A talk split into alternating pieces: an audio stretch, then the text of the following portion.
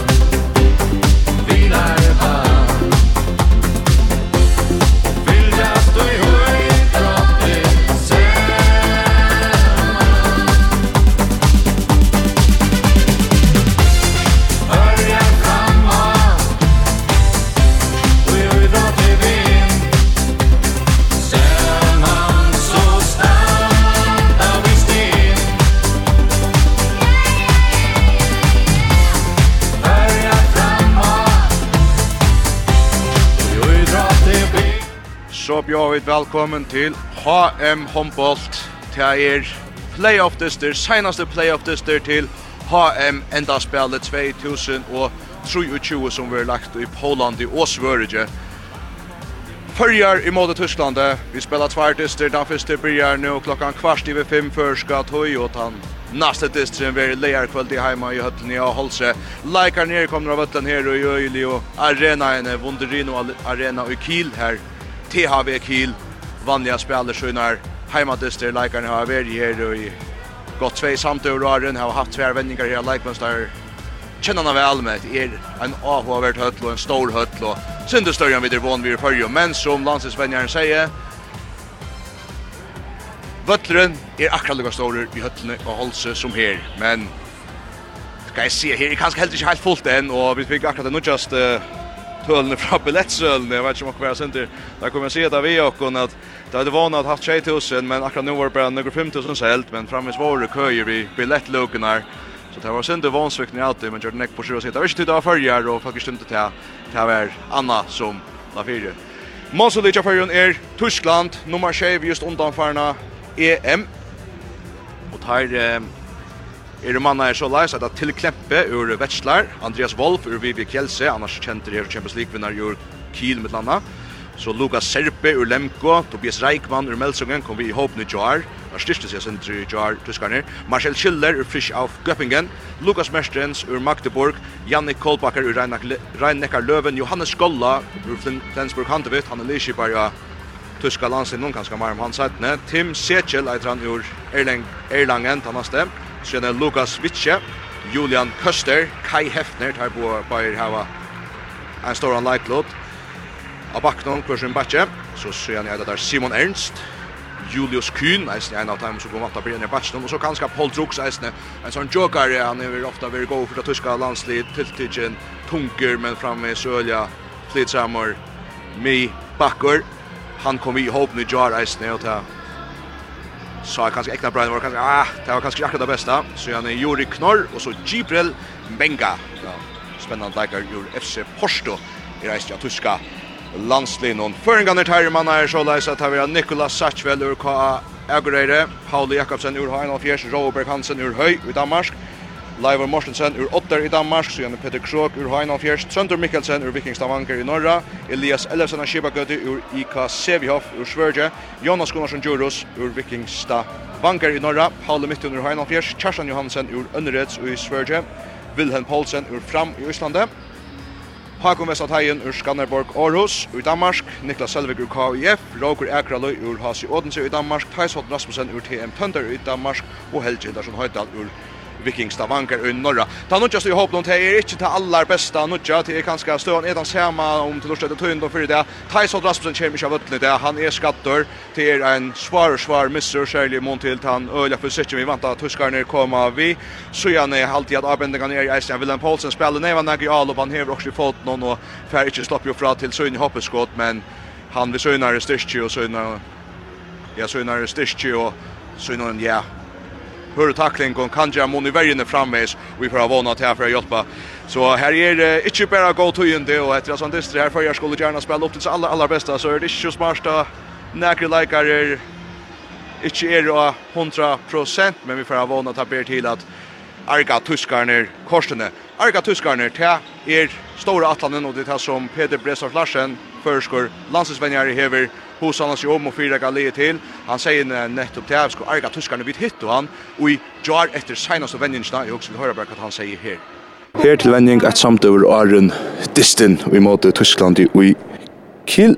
Har vi finnet året vennjæren Peter Brestorff Larsen. Peter Brestorff Larsen, et døgn til kampstart, sådan godt og vel. Øh, hvordan er, hvad er status i truppen?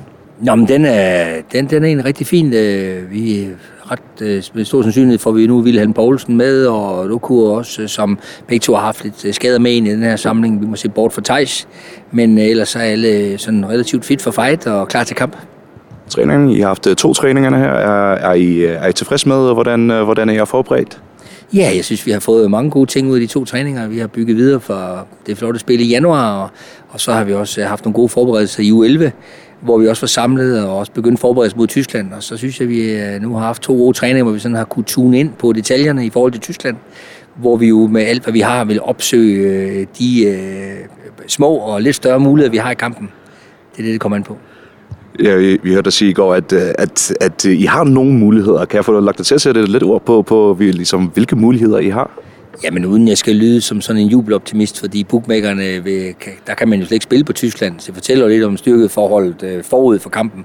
Så når jeg siger, at vi har nogle muligheder, så, så synes jeg, at jeg kan se i spillet, at vi har faktisk både i vores forsvarsspil og i vores angrebsspil nogle, nogle, nogle elementer i vores spil, som jeg synes kan drille tyskerne på dagen. Det kræver en toppræstation selvfølgelig, men jeg kan se nogle ting, som vi håber og tror på, at vi kan få til at lykkes. Og på den måde vil vi faktisk på nogle områder kunne levere en toppræstation.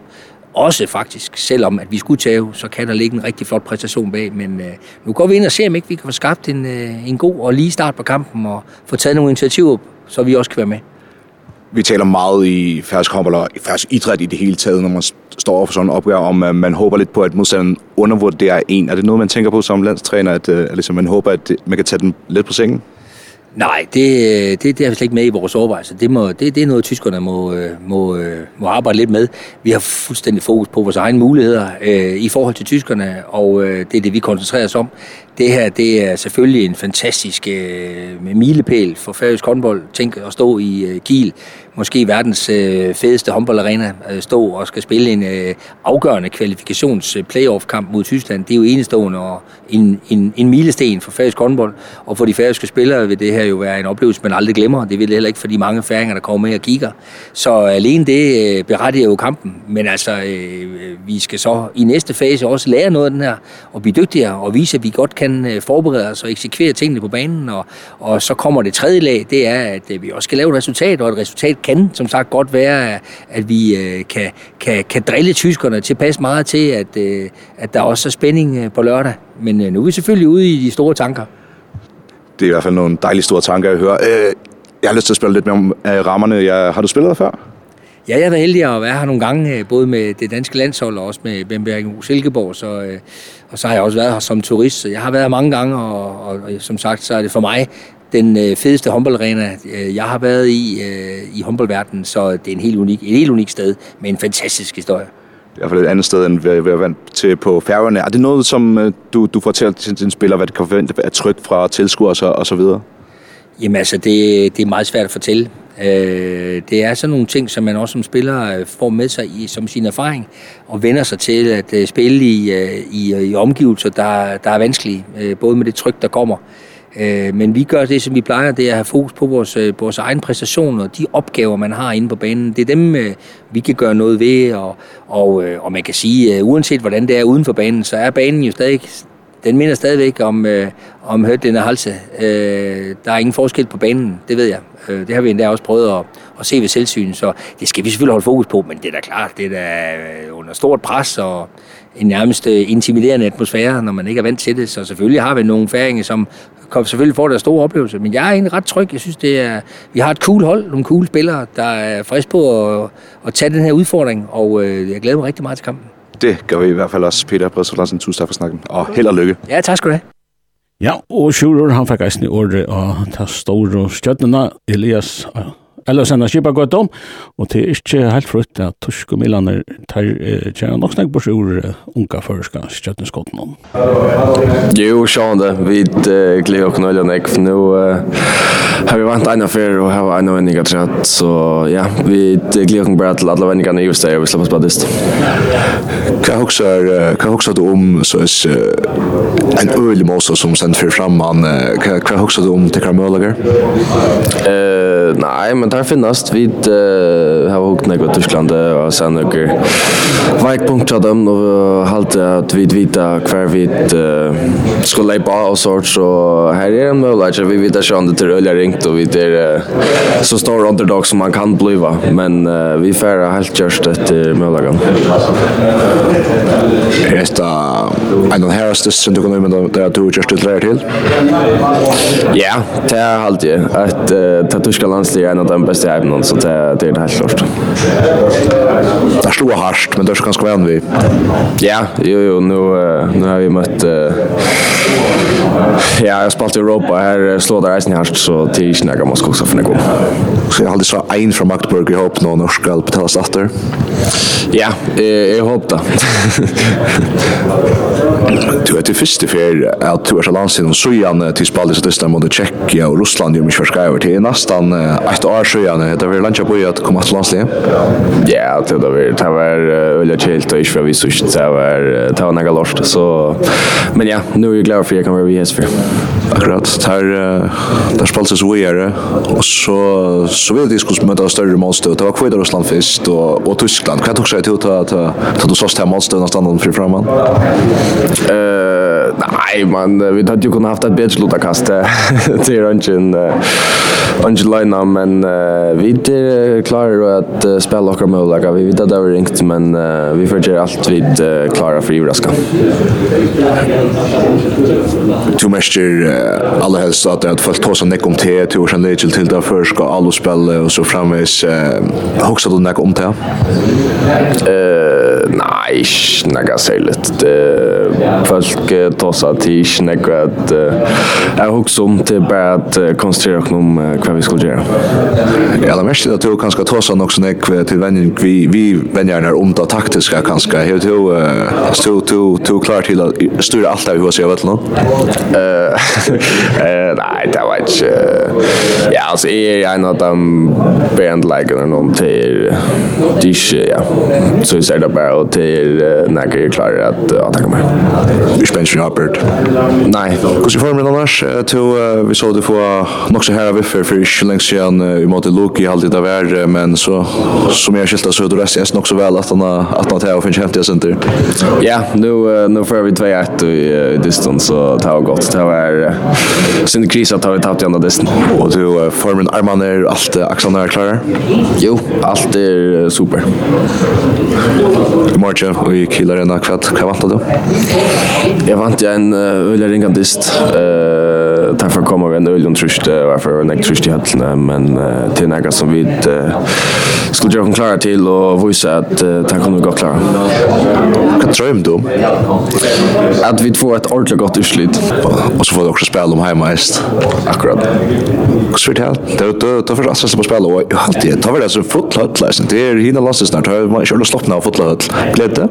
Ja, det är nog till till ett stort läsa som man som man kan göra som handbollsspelare till att uh, spela för uh, sitt landslig.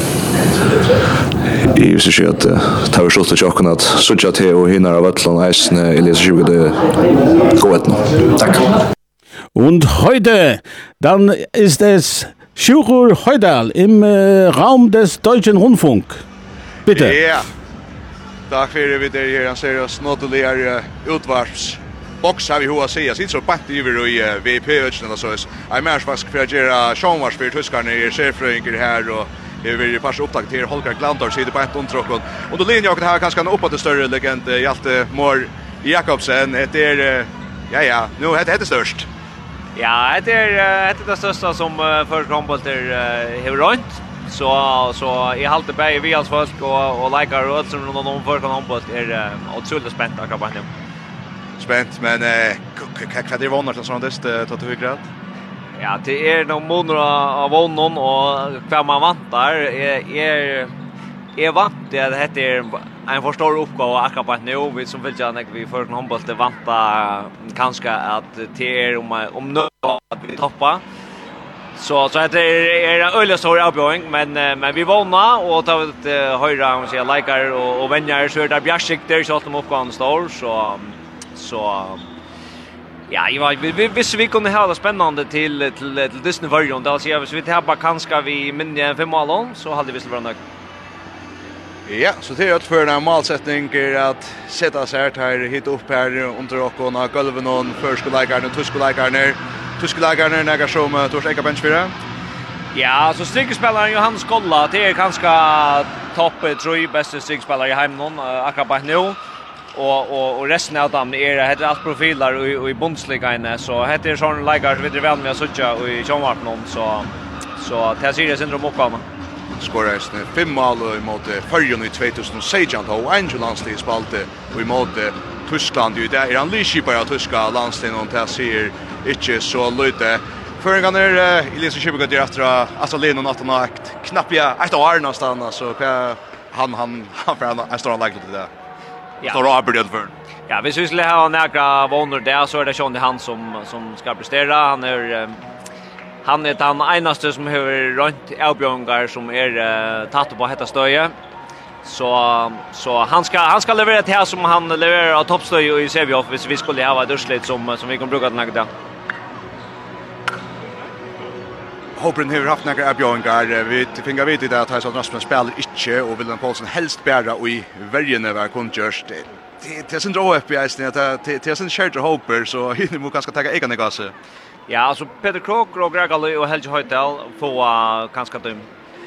Det är störst trust att han måste det att täcka och i mivärne och och man ser tar er bara trutcher som delas om en uppgåva här tvärda dem skulle vi inne alla tunna sen så så till området att att det inte faller bra av att tog och någon så så ja vi det är sen charter till det största minus att hejs inte vidare.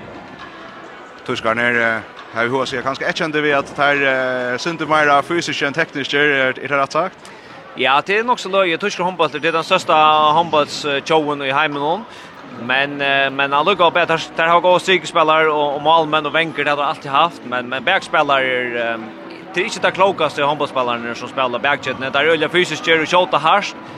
Men eh, hvis vi skulle, man säger, ha Hvis vi skulle ha en chans i det, så er det at du kanskje at her ikke er av, av aller overste hitler av timeblåsen.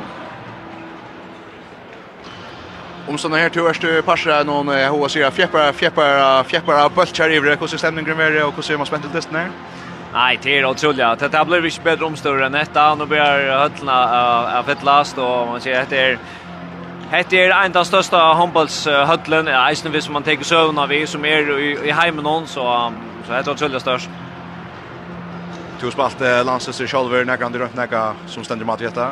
Nei, lengt fra. Det var i tøyene her som man sier, att uh, handbollslandet runt jag finner sig själva och och vi det kom långt vi är så jag och och hett her är hett det här avbjörningarna som som en bra handbollsspelare drömmer om.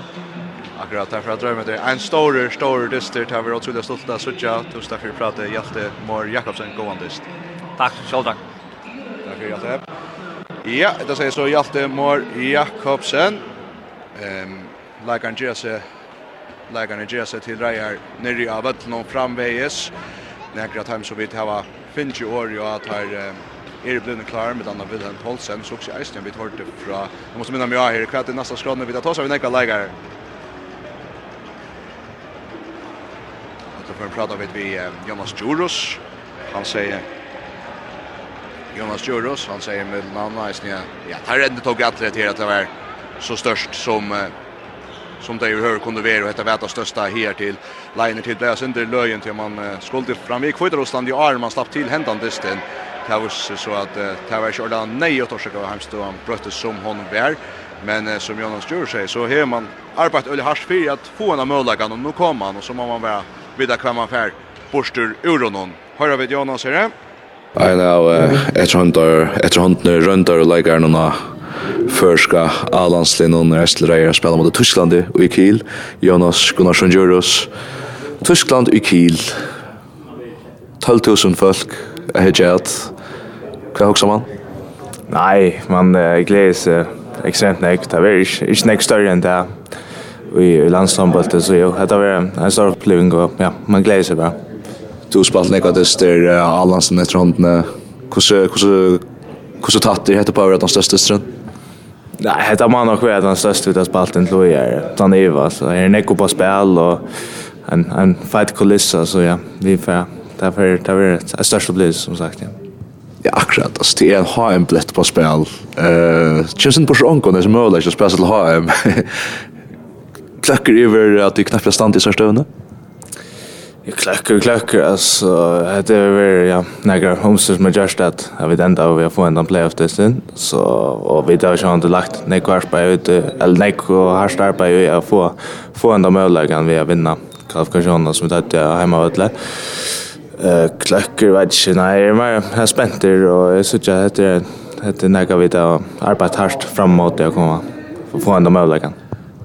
Og så som faktiskt ju minnas tog väl ha en för gamla nu tjå en tjå og det var nesten litt som som Tyskland og det var det att hos ofte om förr och för vet om hos om det om at det er det också at han har til spel det skal finne atter som du gjør det ta i la dem si, holdt så på noe tills nu.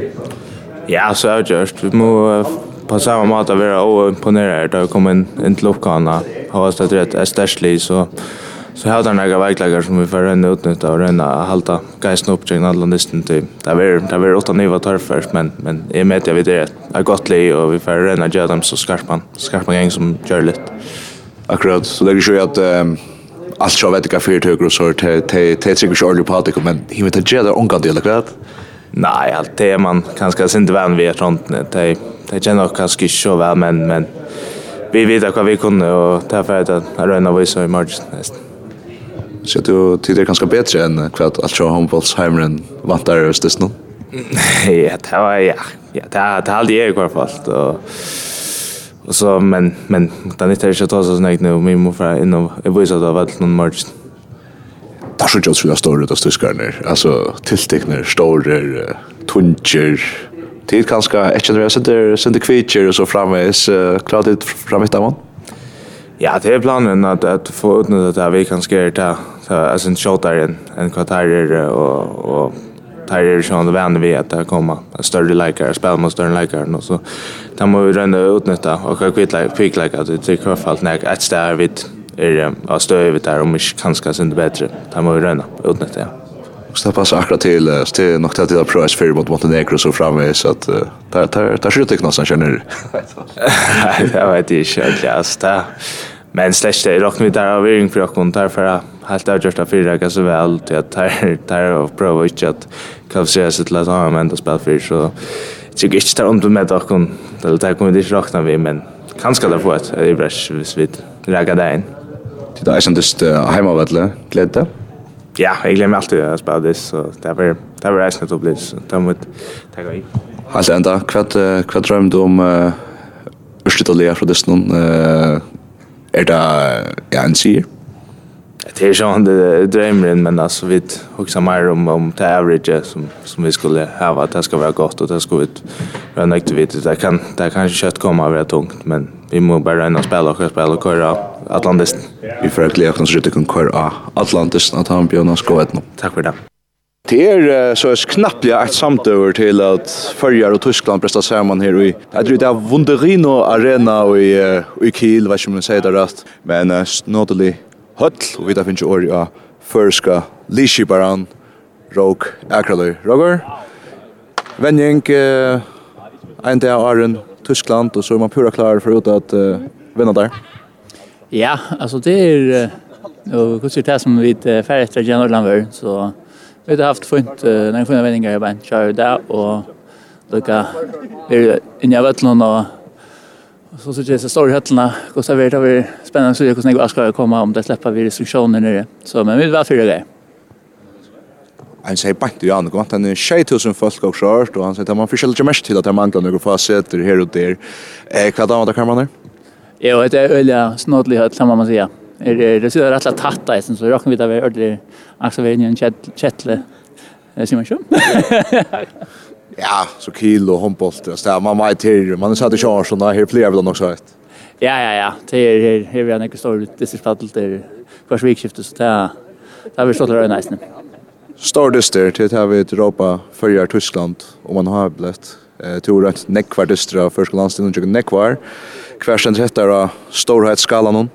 Alltså det är nog uh, han största dystren uh, som första landslige eh uh, ska spela alltså att uh, det är när vi koser ehm um, och är rocken vi överhöver att det är uh, två från att vi kommer att ha um, uh, ända spel.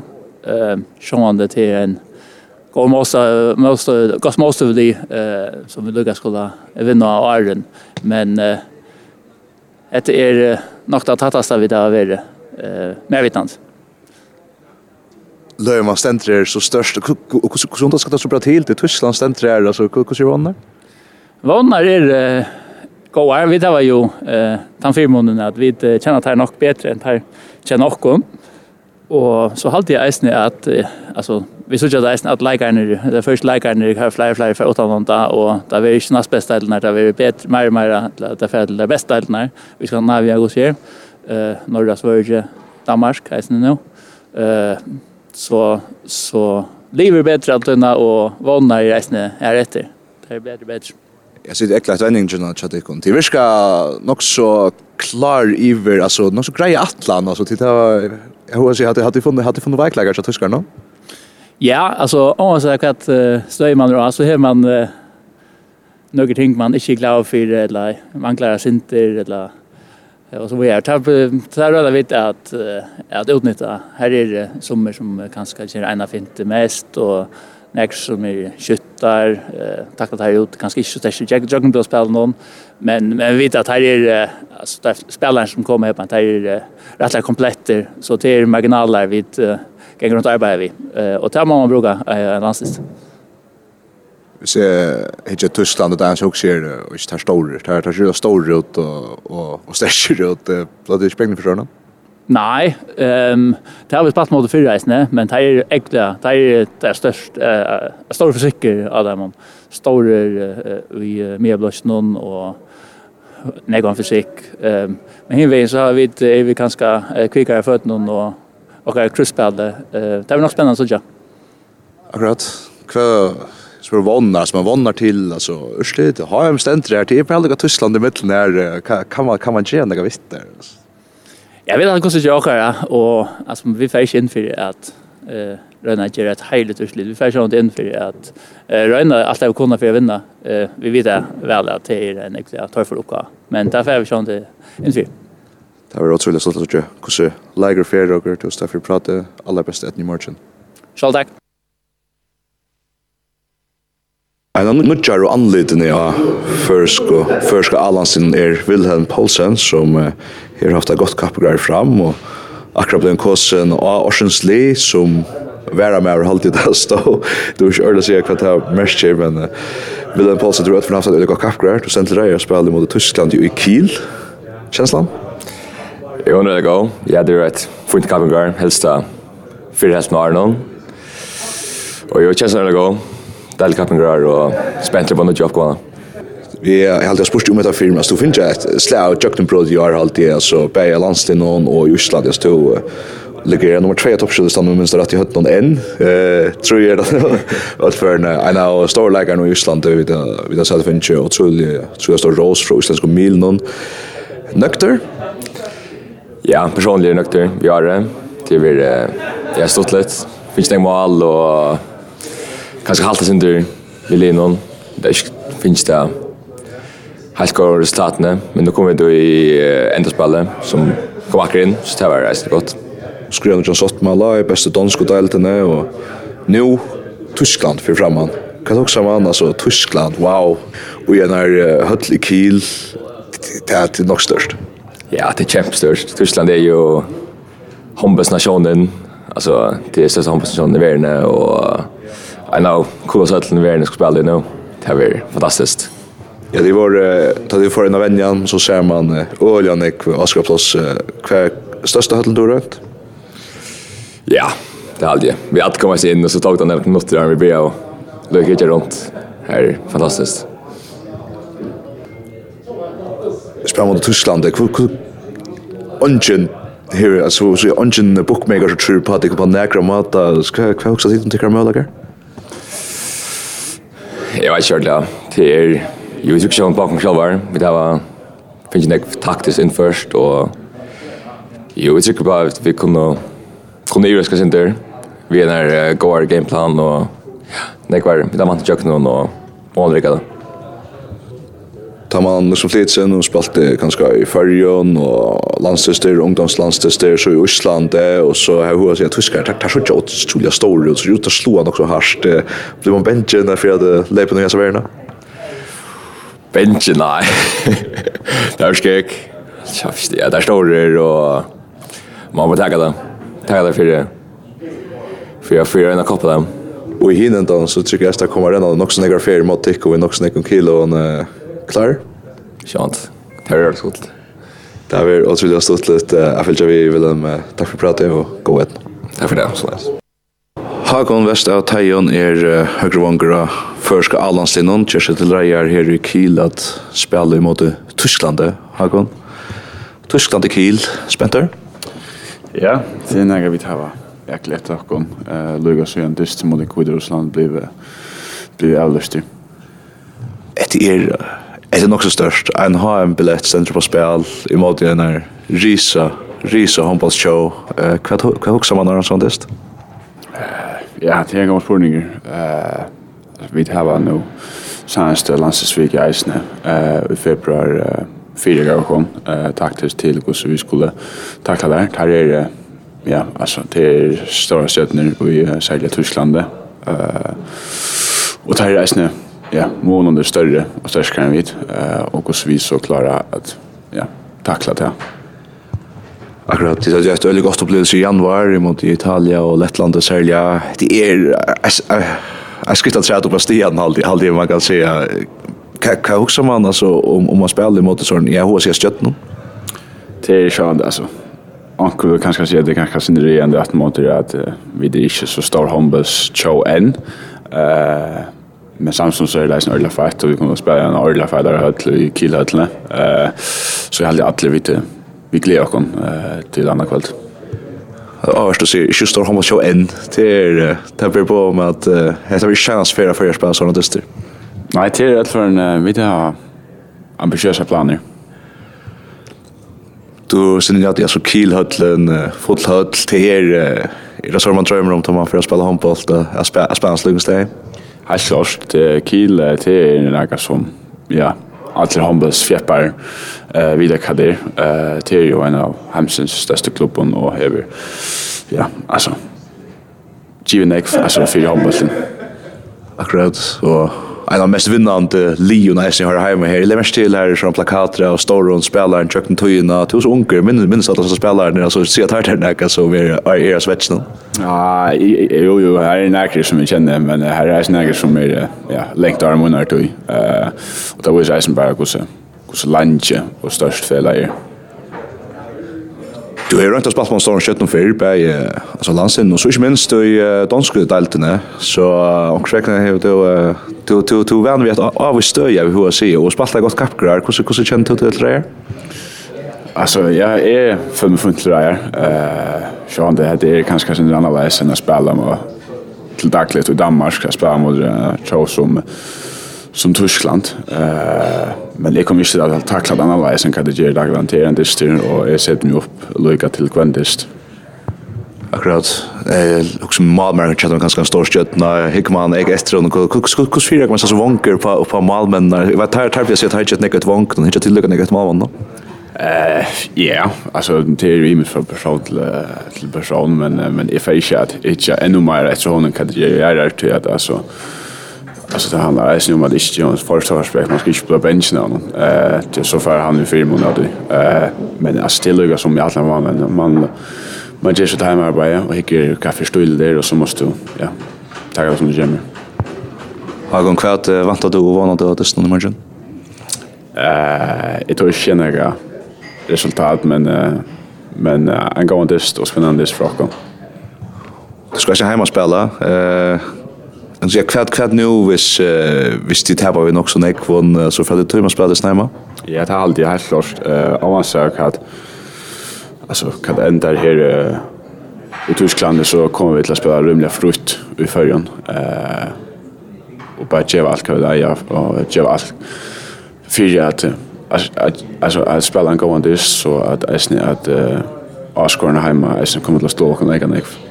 Akkurat. Det var en graskar i morgen her fratt, men her var kanskje snakk vi hatt i holse. Det var kanskje ikke ordet å prøve for egentlig å fotle til at alt det var korona da man skal bare spille hjemme. Så jeg kan jo vente meg at hit gleder dere når jeg kommer hjem. Ja, helt klart. Vi gleder dere vi gleder dere til å høre først og askvarne helt på. Jeg snakker her det at det kan være at her høyre hast. Hagmest at jeg er en god etning mot Tyskland. Takk for det. Var vi Aron så gjerne i U21 HM enda spelen i Algeria. Det var 21. juli, ta møtt og følger Tysklandet i Balkaspelen, og her er noen hattarpunkt fra Tøy Destnon. Destren her og i høttene og i El K, El Badigua, eller hva det er eider her og i Algeria, Karmer om den är landslisten som är börjar ut i förska liv som är sjätte gång till. Och det är Kjartan Johansen. Nu till Jonas från vänstra backen. Att han ser Rensle inte och det har blivit till Trudja med det kast. Niklas Simonsen är uh, Malmöver. Sen är det Jonas Gunnarsson Juros med väg av vänstra backen. Kjartan Johansen, Vinstrabacker. Och så var han upp och skjuter så på en tum hans väg när Kjart och så kom Tarfärg och Alvin Vinn. Björn Sintel för att skjuta. Han är absolut minst med över att hinja dem. Montreal en spelkibär. Han kommer så inn, han har tidlig flere brottskast Kjadamon, skyter ikke første fyrt, så lener han seg, skyter Niklas Bjerkar! Og jeg vet at Niklas er sikkert litt på, det må man si, ja. Otrolig flott av Niklas, han var uisak halter den tog han her. Øyla godt av Niklas. Vi prøver at det er utfra, Kjarstan opp, skyter, skårer! Ivelan Kjernin! Ja, tapp er till, tapp er till. Vid Minkomonen till 2-1 och så kommer Torskan alla lämna i jöknen och så smäckar där bollen i kassan. Valentinsbom. Och så åter om och så utlag helt Eltes så alla vinner om till 20 20 hoppar in och skorar! Dagsens mål vid Minkomonen till 3-2 vid dagsens mål. Framur! Otroligt flott mål. Väl spart. Gott inbyggt i rönjen. Det är väldigt gott. Så blir bollen Leiser. Vi får få fatta return och Jonas. Pura Leiser skorar! Ja, Heppe, 11 minutter farne, vi minko målen til Finnsrøy, men vi tar chansen tar vi få han. Ja, tog betur. Kjarstan for opp, skjøder ikke fruje, undra skål, skålar! 12 minutter farner og så hever Frøye vei i innsettla kanalen av Minkar og Månen til 5-4. Frøye for opp, ut og fram. Malmern til Time Bjerkar og så hopper han. Og Kjell og skårer! Han hopper Vi høyre hånd og slår han over venstre hånd og så inn i målet. Og Kjelsnes til 5-5. Fantastisk. Är otroligt flott och fräckt av Akan Torre på via stanter. Han løgner seg en aftur og upp. Nei, han sätter på igen for bollen. Grammor, døylig. Sintel gör så klar han. Så prövar han att kjøle. Skjøter ikke så lämnar han seg. Så skjuter han och Høytor Bjerkar! Sintel är av Ravenen nu. Klasse, klasse Bjergjeng. Vel du. Otroligt gott lys jag hörde. Match vi är ett Jonas. Jonas provar så vi flyr fint och då kommer Jack men och skorar! Han skorar och samståndes 2 minuter till nummer 11 Chathaiman Kevin Storch. Elva Voyer fri så skjuter nu får han gott plats av inn, och skorar till 26. Skjuter Olsen lägger förjar åt att han har en halva minut. Och vi kunde väl inte ha spalt hatt alla bättre. Fantastiskt. Man huskar inte för att det kan ta out nu. Då är det kvacker kommer att dock nu vi. Archan, kött nu inte men åtta farner. Färjara åtta, 6, 6 som åter är snur risen under Torslandet. Time out från Torskaren att han har nöjtjan men åter är i höllene och i Algeria i mittlen Farjar och Torsland. Farjar är 8, 6, 6. Jonas prøver å komme inn midtfyr, legger han ut fra. Atje Jesus opp, utenfra, skorar! Atje skorar! I 20 minutter ferner og vi fører 8-6 mot Torslande! Brønnsa Sjata og Niklas Bjergar! Niklas fer handen og han Bjergar! 21 minutter ferner, 8-6 til Bjergar! Frøyer slipper skåd, utenfra, skjøter og skorar! Frøyer vei skorar! Det er notje 6 til Bjergar! Frøyer minutter ferner, notje 6 til Bjergar. Thijs Hadden Rasmussen, skjøter ikke først, så lener han seg, skjøter! Det er tøtje seksle farger! Det er tøtje seksle farger vi har spalt i 23 minutter! Hette er pura overligt bolle. Ja, det er helt, helt, helt lengt, lengt og syna. Kan vite at det var det som, som ikke er håndballt, men helt utrolig kan dette flottas. Oi, oi, oi. Jeg vet ikke om vi ikke er klar i det her. Jo, det er vi nå. Få den! inn. Theis skårer! Theis skårer! Til 11-6. Vi spiller inn av strykene. Vi har inte talt upp ut av bunch nu så är så att Malmaren och kom in på när vi är inne där. Vi hoppar också minst lika gott eller bättre Sjurur Hildarsson Höjda. Ja, det är allt det akkurat nu. Är det största att du första söndra gaser håll jo i och i hötlen runkar och Josi är deppa och så är det läkarna till drejarna komma av hötlen. Det är ett öle show vid Sucha runt om och vi har faktisk ju plats så spart i mitten här som det som omgår där är det er tyska stjøttene som Ikke er i landstiden akkurat nå, og landstiden landstid til Tyskland til til vi er i en oppbyggingsfase akkurat nå, har skiftet sønder ut, og nå kommer så leikeren inn til for vi har nødvendig romer. Her er at jeg fikk nei Tyskland vist. Føren kan du være fyrst av Øtlen. Råkor Akraløy leier. Her først går fram. Så kommer det her til lekkerprestet fra tyske fjöldene. Råkor Akraløy, Søjan i Helge Hildarsson Høytehall. Hakon Vesta Tajon. Thijs Hotten Rasmussen, Leivor Morsensen, Roe Berg Hansen, Kjarstan Johansen, Wilhelm Paulsen, Paule Jakobsen, Jonas Gunnar Djurus, Niklas Satchvel, Trøndur Mikkelsen, Peter Krog, Niklas Selvig, Paule Mittun og Elias Ellefsen av Skivagud. Og nå kommer tyskerne, jeg bare hva gjør det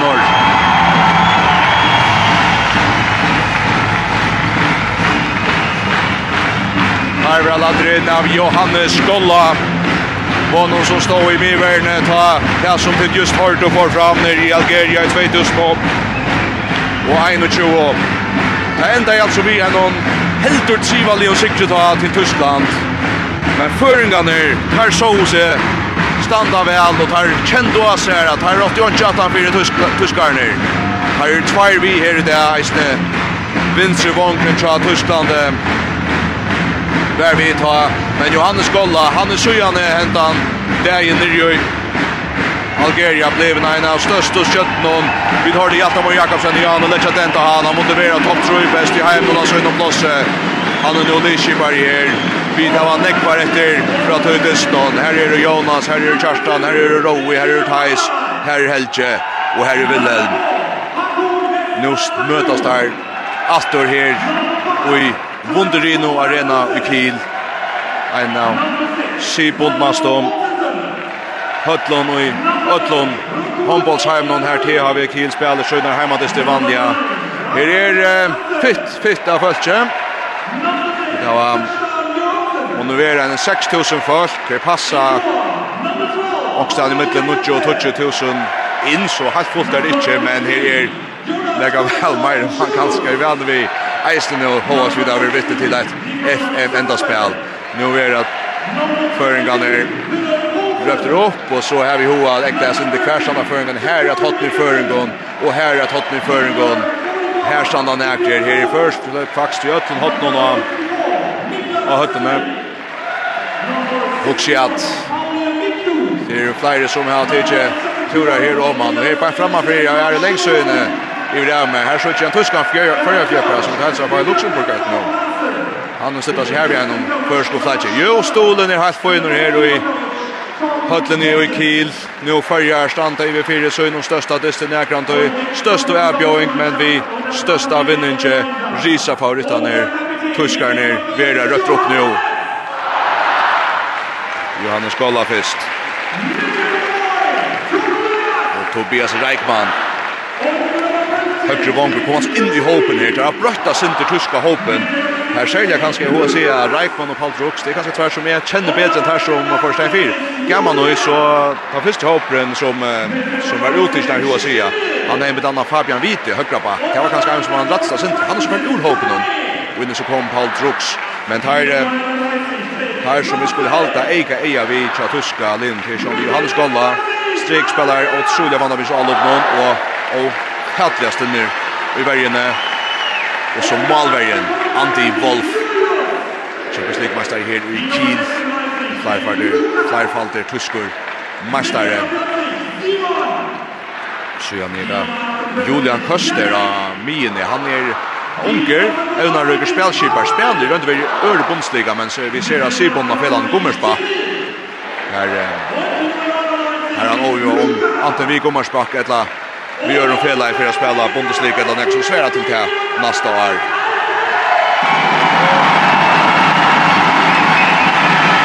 Og han som er faktar her, til vänjer til Tuskarnon til Alfred Gustafsson. Han er ikke populær her i Hötlene här Kielfölsen alltså här var så i hans stand 8 för Kiel i 11 år. Ta vann han tjej, tuskmästare hette, sex tyska steg på kappringar. Och vart här snå mycket så tog han Champions League 5-4 här. Nu är han tysk landslagsvänjare. Vidar Larsson har fyra för makt. Andreas F. Hansen nämnt han vara fantastiska Småsen. Man han är ju runt och spalt i fyra. Här var Ryssland. Och så fyra att drar till Chosen står här. Så läser Stötland sig. Det är så mycket långt var jag fått hon. Föringarna för att ta samman.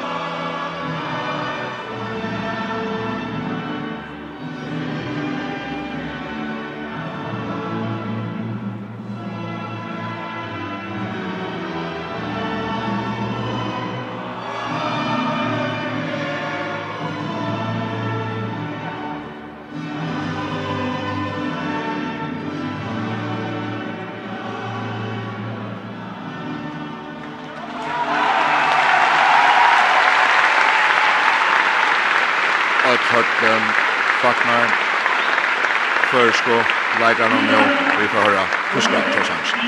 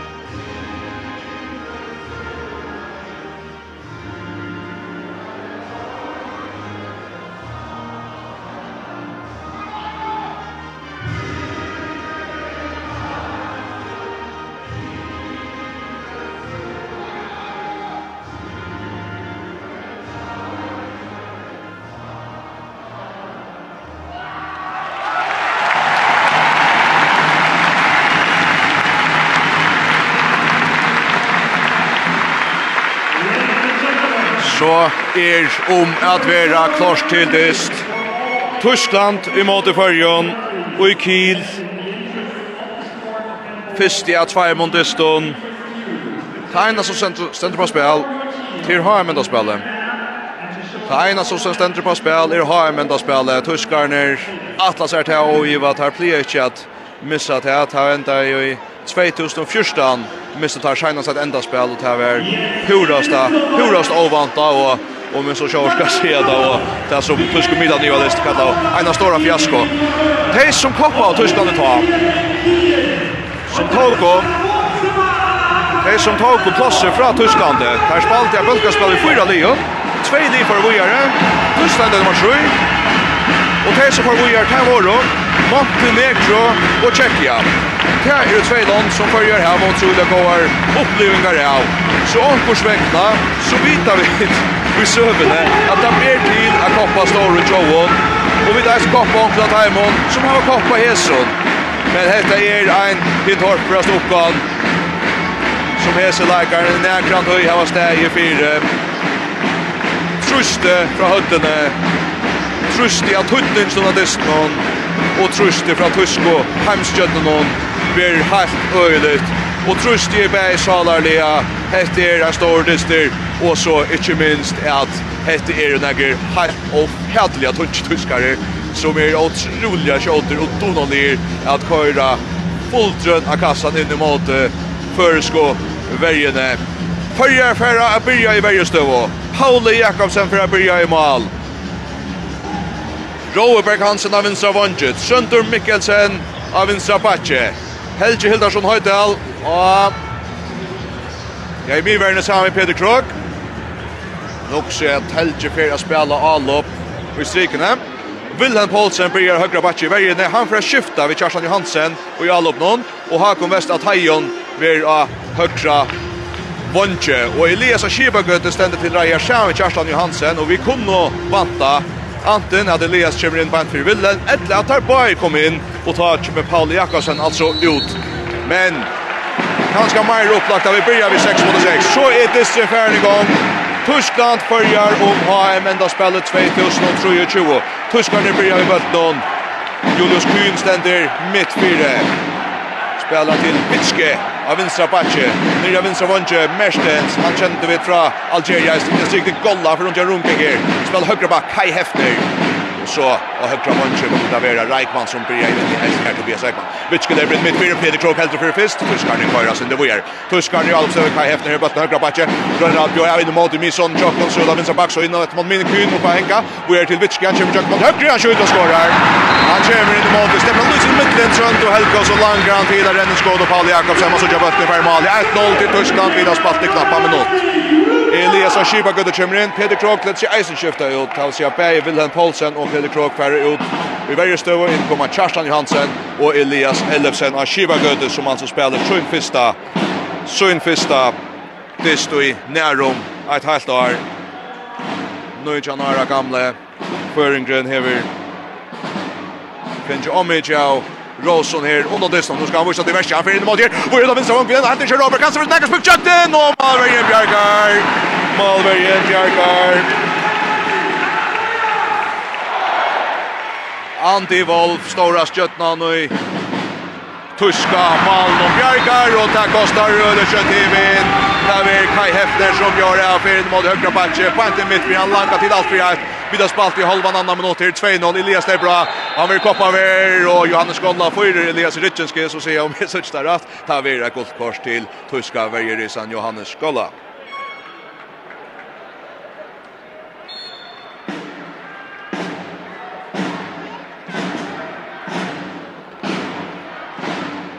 Förjar i Alu bjattnur 2-0 til Tyskland. Ikke aller besta byrjanen sølger i verjestø for Förjar. Vi det kom till en fina møle av vinstra av Vonche. men Brento. Nu lär bli Lesa Kibbe går. Ena stig. Helge Fröjör. han skorar 2-1 till Tyskland. Förjar Minko Månen. Helge har ett alla stig. Det görs öl öl Fröjör Elias Finland. Väl 2-1 till Tyskland. Och så missar där väl tyskarna. Nej, där får han åter. Där får han åter.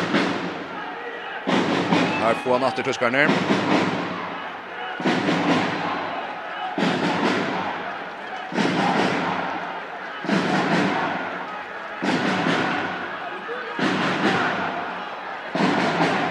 Lukas Serpi er högra vånge tja. Ska nå. Kravitsch ger ju time som Shiva spelare som Øyla för in morgonen finns strikna och han kastar trumset er frukast vi får loss vägen vel Där er frukast Tyskland Her och finna golla han har touchat ut Etter bulten under rönen at släppa hans trumset mot mål nå men her är frukast til Tysklands frukast til Tyskland. Sveja Tyskland vill ha spalt i 30 minuter. Leva drar. Från högra back in mot min. Vi kommer sen högt upp på ytan. Leva den mot vänstra back. Vi drar ut Jatti. Så då så nu kör fyra. Högra vart spuxar jakten. Tar skora väl. Tar skora otroligt väl. Lukas Serpe av högra vånge för rätta spucks hunger lunge Hodgson så vidare och för bollen fram i Paula Jakobsen i mål någon. Trutcher och en halv minut i färn, halv fjärde minut i färn, tror jag Tyskland följer och Jalobi. Elias och Kivik och skipa spelet, så mycket som har vinstra backen Jesper tagit affären av. Trönt och Kivik fyra nu, spelet till Kerstan första högra backen nu skryna sen det ut jag ansar Kerstan ganska inte ha bulten ner för han backar lätt att få bulten. Det blir Elias av mitt mittfält mot Sönta av så backar till Elias Elias plats och skjuta. Boll Bjarkar, Malvejen Bjarkar, Malvejen Bjarkar. Framis tror jag till Tyskland och för alla vi gör för framme till vi rullar stäcka där. Jag vet att det har vi dömt, det har vi dömt. Det har vi dömt och vi färar fram material och Beto Holmgren tar time och Kai Hefter Holmgren time och vi är en flyer här om vi gör och no Max mycket sen stigna Helger och Boll Bjarkar. Risa Bjerg av Andreas Wolf i och Han är den stora stjärnan hade vi då att säga och han blir att det vi flyger Risa stora Bjerg gång. Nu spelar väl. Ja, Brent Svær, helt stora chanser och en fin chans här nu om fram till. Tror jag till Tyskland i mål. Förrjum har spalt i halvan 15 minut. Stor tjobla tjock och ner till Erasson Andy Wolf i Tyska Malmö. Tyskar ner på. Vitski av vänstra backen mot Mine. Kör man helt kyn och bara skjuta och ett underskott. Skjuter det gavel och tar vi med. Så får det. Inte gå för Spirian och blir värre nu. Vi måste få bollen fram här som avgör någon och nu vill jag gärna få syndemara fätrar som skott någon att då där otroligt väl där skjuta ur 11 meter men skott ger och fätrar igen efter. Sitter helt nere vi Trouble first Byrjan 4-1 till Tyskland. Vi har spalt i just 5 minuter. Följer ju alla bjatter. Robert Hansen kommer så in under Wangen Chaser sen Oregon och Stigne och så ränner man Wangen så kör tempo shift här. Elias i mittfältet. Rashad Aver tacklar. Aver tacklar.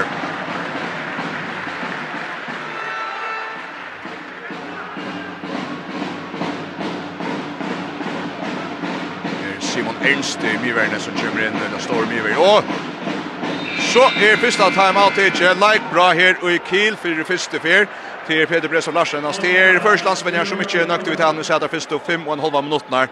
Stöt halva i Jörgen Sjönder att här är 4-1 här till ska så se så vi det kom till en av två helt goda målläggare. Det får en ganska att man ska vänta för att har goda målläggare här mot slukar målstå men Føringan er for å prate om tinsene. Fyra etter som målskyttar i det er Jakob Horstad, vet hvert fall han linjer til det så tæt på, men prøv efter. Når vi har køen i midten, så skal du frem. Frans Rening, gå frem. Vi skal ikke bakke op, men han har styr på det. Vel, vil du ved med at holde aftagerne? Den der stikker venstre bak. Venstre bak, to mod to. Godt foran og tager hæfter. Det er meget nemmere, ikke også? Nu kører vi videre, 7 mod 6. 7 mod 6. Kom. Kom, kom, kom, kom, kom, kom, kom. Ja, han strammer op. Ja, just som... Uh Förskvändaren Peder Bresson Larsen säger så får jag skjuta till tjej mot sex spel här. Det är eh, Vanne vera få en gå och Jana Brian Det här väl helt stilt i vitoj. Alltså 4-1 till Tyskland vid spalt i 5 och en halva minut. Färjar vi tjej mot Jalop och Roker Akralo kommer in och strik när Paul Jakobsen ska kvicka sig undan vid färg Bergstövå. Samman vi Wilhelm med Paulsen. Det är Peter Kroga från vänsterbacken. Det är Elias mitt fyra. Elias blir av. Innan stigna här. Hakon! Mål! Han lyfter in i mål. Där kommer Hakon flickvande och loftar bulten. Och så kastar tyskarna mot honom. Där gör det inte. Det räcker inte av. 4-2 Tyskland. Vi får ett ralligt mål. Elias finner Hakon som så ofta fyr. Och så får jag stäcka den första jävla tyskarna. Tar det till att sig som mål. Och färra och backa sin dratter och röjna Nutsjön. 4-2 till Tyskland. 6 minuter farner. Føringar Ednas väl. Her, vi har en Heknesleon loppe inn i Maltain her, Kim Hagen mest av Tain flickvande, lofta bulten, Holger Lanchat nåt här och sätter bulten fram i Andy Wolf i tyska Malmö. Här lever tyskan då, Vitski om han högra back. Får stäcka den första hjärtat, backa deras under, sedan nu Japier, mitt fyra, Vitski innan stigna, golla, Fresh Pedronon, och Jesus lytter, nej, han får en mål, bulten leser i Maltain och han får takt sig och förslier bulten. Och där snöjde Palle Jakobsen. Och han får i mål, 5-2, tyskarna häftne vissar. Och Samma vid Jonas Emnon tjata om Sjölande. Vid våra V och tjata lopp och så färhesen risen i sikten tjata Tysklande. Svets in i måltagen och slier bulten fram i Paula i första malnon. 5-2 Tyskland. Tyskland skorar så att säga första allop här till. Vi har spalt i 6 minuter. 5-2 Tyskland. Vi kommer att möta in med en Området vi skorar nu åter. Elias Shibagudi in i mode. Charleston Charleston Charleston upp på hänga. Och man har minst av Vank. Rose på Hackers Jökten. Så rönnar vi åter. Elias tar fair now. Sätt sig en Peter. Peter system mot Werner. Så Elias upp på hänga. Åter Charleston Charleston in i strikta. Helger Mål! 5-3 till Tyskland Helge. Høydal minkar og månen åter. Nekod i høyre, Kjerstan Johansen finner han, Vi Venar Stosse Alvering. Och så spelar han till Golla, vi får stäcka den första. Oi, jeg rønner seg nå av vansjen, øde väl fjerde. Men Vi får stäcka den först i alla Tyskland. Tyskland ner bara vidare bulten. 5-3 till 5-3 till Tyskland. 5-3 till Tyskland. Föringarna ner halda rymliga fast här efter denna trubla början och Finns ju färdra två. Nu finner bulten i vägen. Hagemästaren tar en fängare. Han en här som Kjolsman har tagit inte för fyrst. Vi tar han inte för fist. Här är någon spel om han har sin vinstra vang. Har kommit att ta in som har skottet det så bulten och han kommer och han loftar honom som han inte väl lättare. 5-3 till Tyskland och följer föra fram för Mikko Mon i rätt mål. 8 minuter. Farner av Desnon i mitten följer och Tyskland. För en gång när spelar Shemon Jalobnon, Elias Bojas under backar så den innan mot Charlsen Andersson plats om han har gran. Hager för Spöks. Volt Bjarkar, Malvin Bjarkar, Malvin Bjarkar. Så kastar mot Tom og Malen og han sitter. 6-3, att det där som ikke må. Andy Volt, den store, store likaren her. Den store, store likaren her. Der finnes du åtta minutter her og i Wunderino Arena i Kiel, nu får han nästa första mål och skorar till 6-3 till Tyskland, Andreas Wolf ur första mål, någon bakt utanför ska efter att det kom till en hampliga möjliga högra vånche men får inte bättre fram vid stötten i mål. Nu får Elias bara röna mitt fyra här som där väl fyra i värnet här. Simon Ernst så väljer sig en gollat här är och hattiga stora. Alloja, alloja. Alloja, så stämmer bulten ska lycka torska ster för en kan inte nökte vi hur han sitter i handen. Ja, så skiftar där bulten som mest vanligt där. 6-3 till Tyskland. Och i mål till Färjön. i Jalopen. Peder Kroka, minns av Batje Upp på Henga. Nei, så blir vi dømt til fri också här och vi missar bulten. Där kastar Betta ta om Amalle. Han fer fram i! Han fer fram i! Han fer fram i. Vi får bulten atter. Häppner vi föringen någon här. Tuskarna ner. Nerja Högra Batche kasta mot Thomas Malon Kai Hefner. Ett kände vi en ölen skott utifrån men jag vet normalt här rackar inte mal här. För en gång är skiftat att det Och vi får att sätta Paul Jakobsen att det är i Alvstövet. Det var sex mål nu för han. Han skårar. Han skårar. Skakas ikke at Wolf fikk Peltron og Janen og foran atter Einsbøks, som skårer utrolig vel, tve mål av måned atter, 6-4, då spelar vi stigna og Hepnes under vi och ner. ned, Golla enda ved bølten av stig, nu litt i mål, men her er Bruksna for Brukast til Tyskland på en Her er Bruksna for Brukast til Tyskland på en Arjen.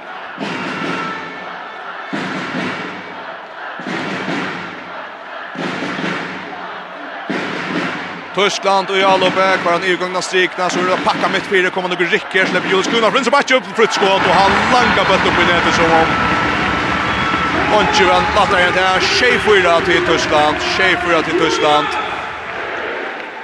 Som är otroligt effektiv i sin nätsektorn Här är otroligt effektiv i sin nätsektorn Nu där blir Elias av mitt fyra över Hilton tar vi golfkort till Simon Ernst i Myvern till Tyskland golfkort till Myvern till Tyskland Paul Jakobsen ut och pratar i bunchen.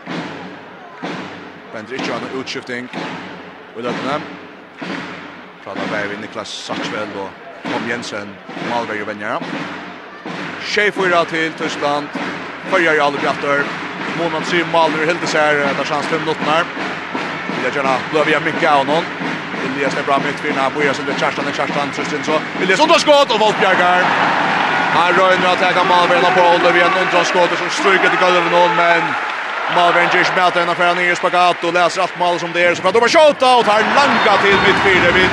Och i vill över 20 vars fyra här.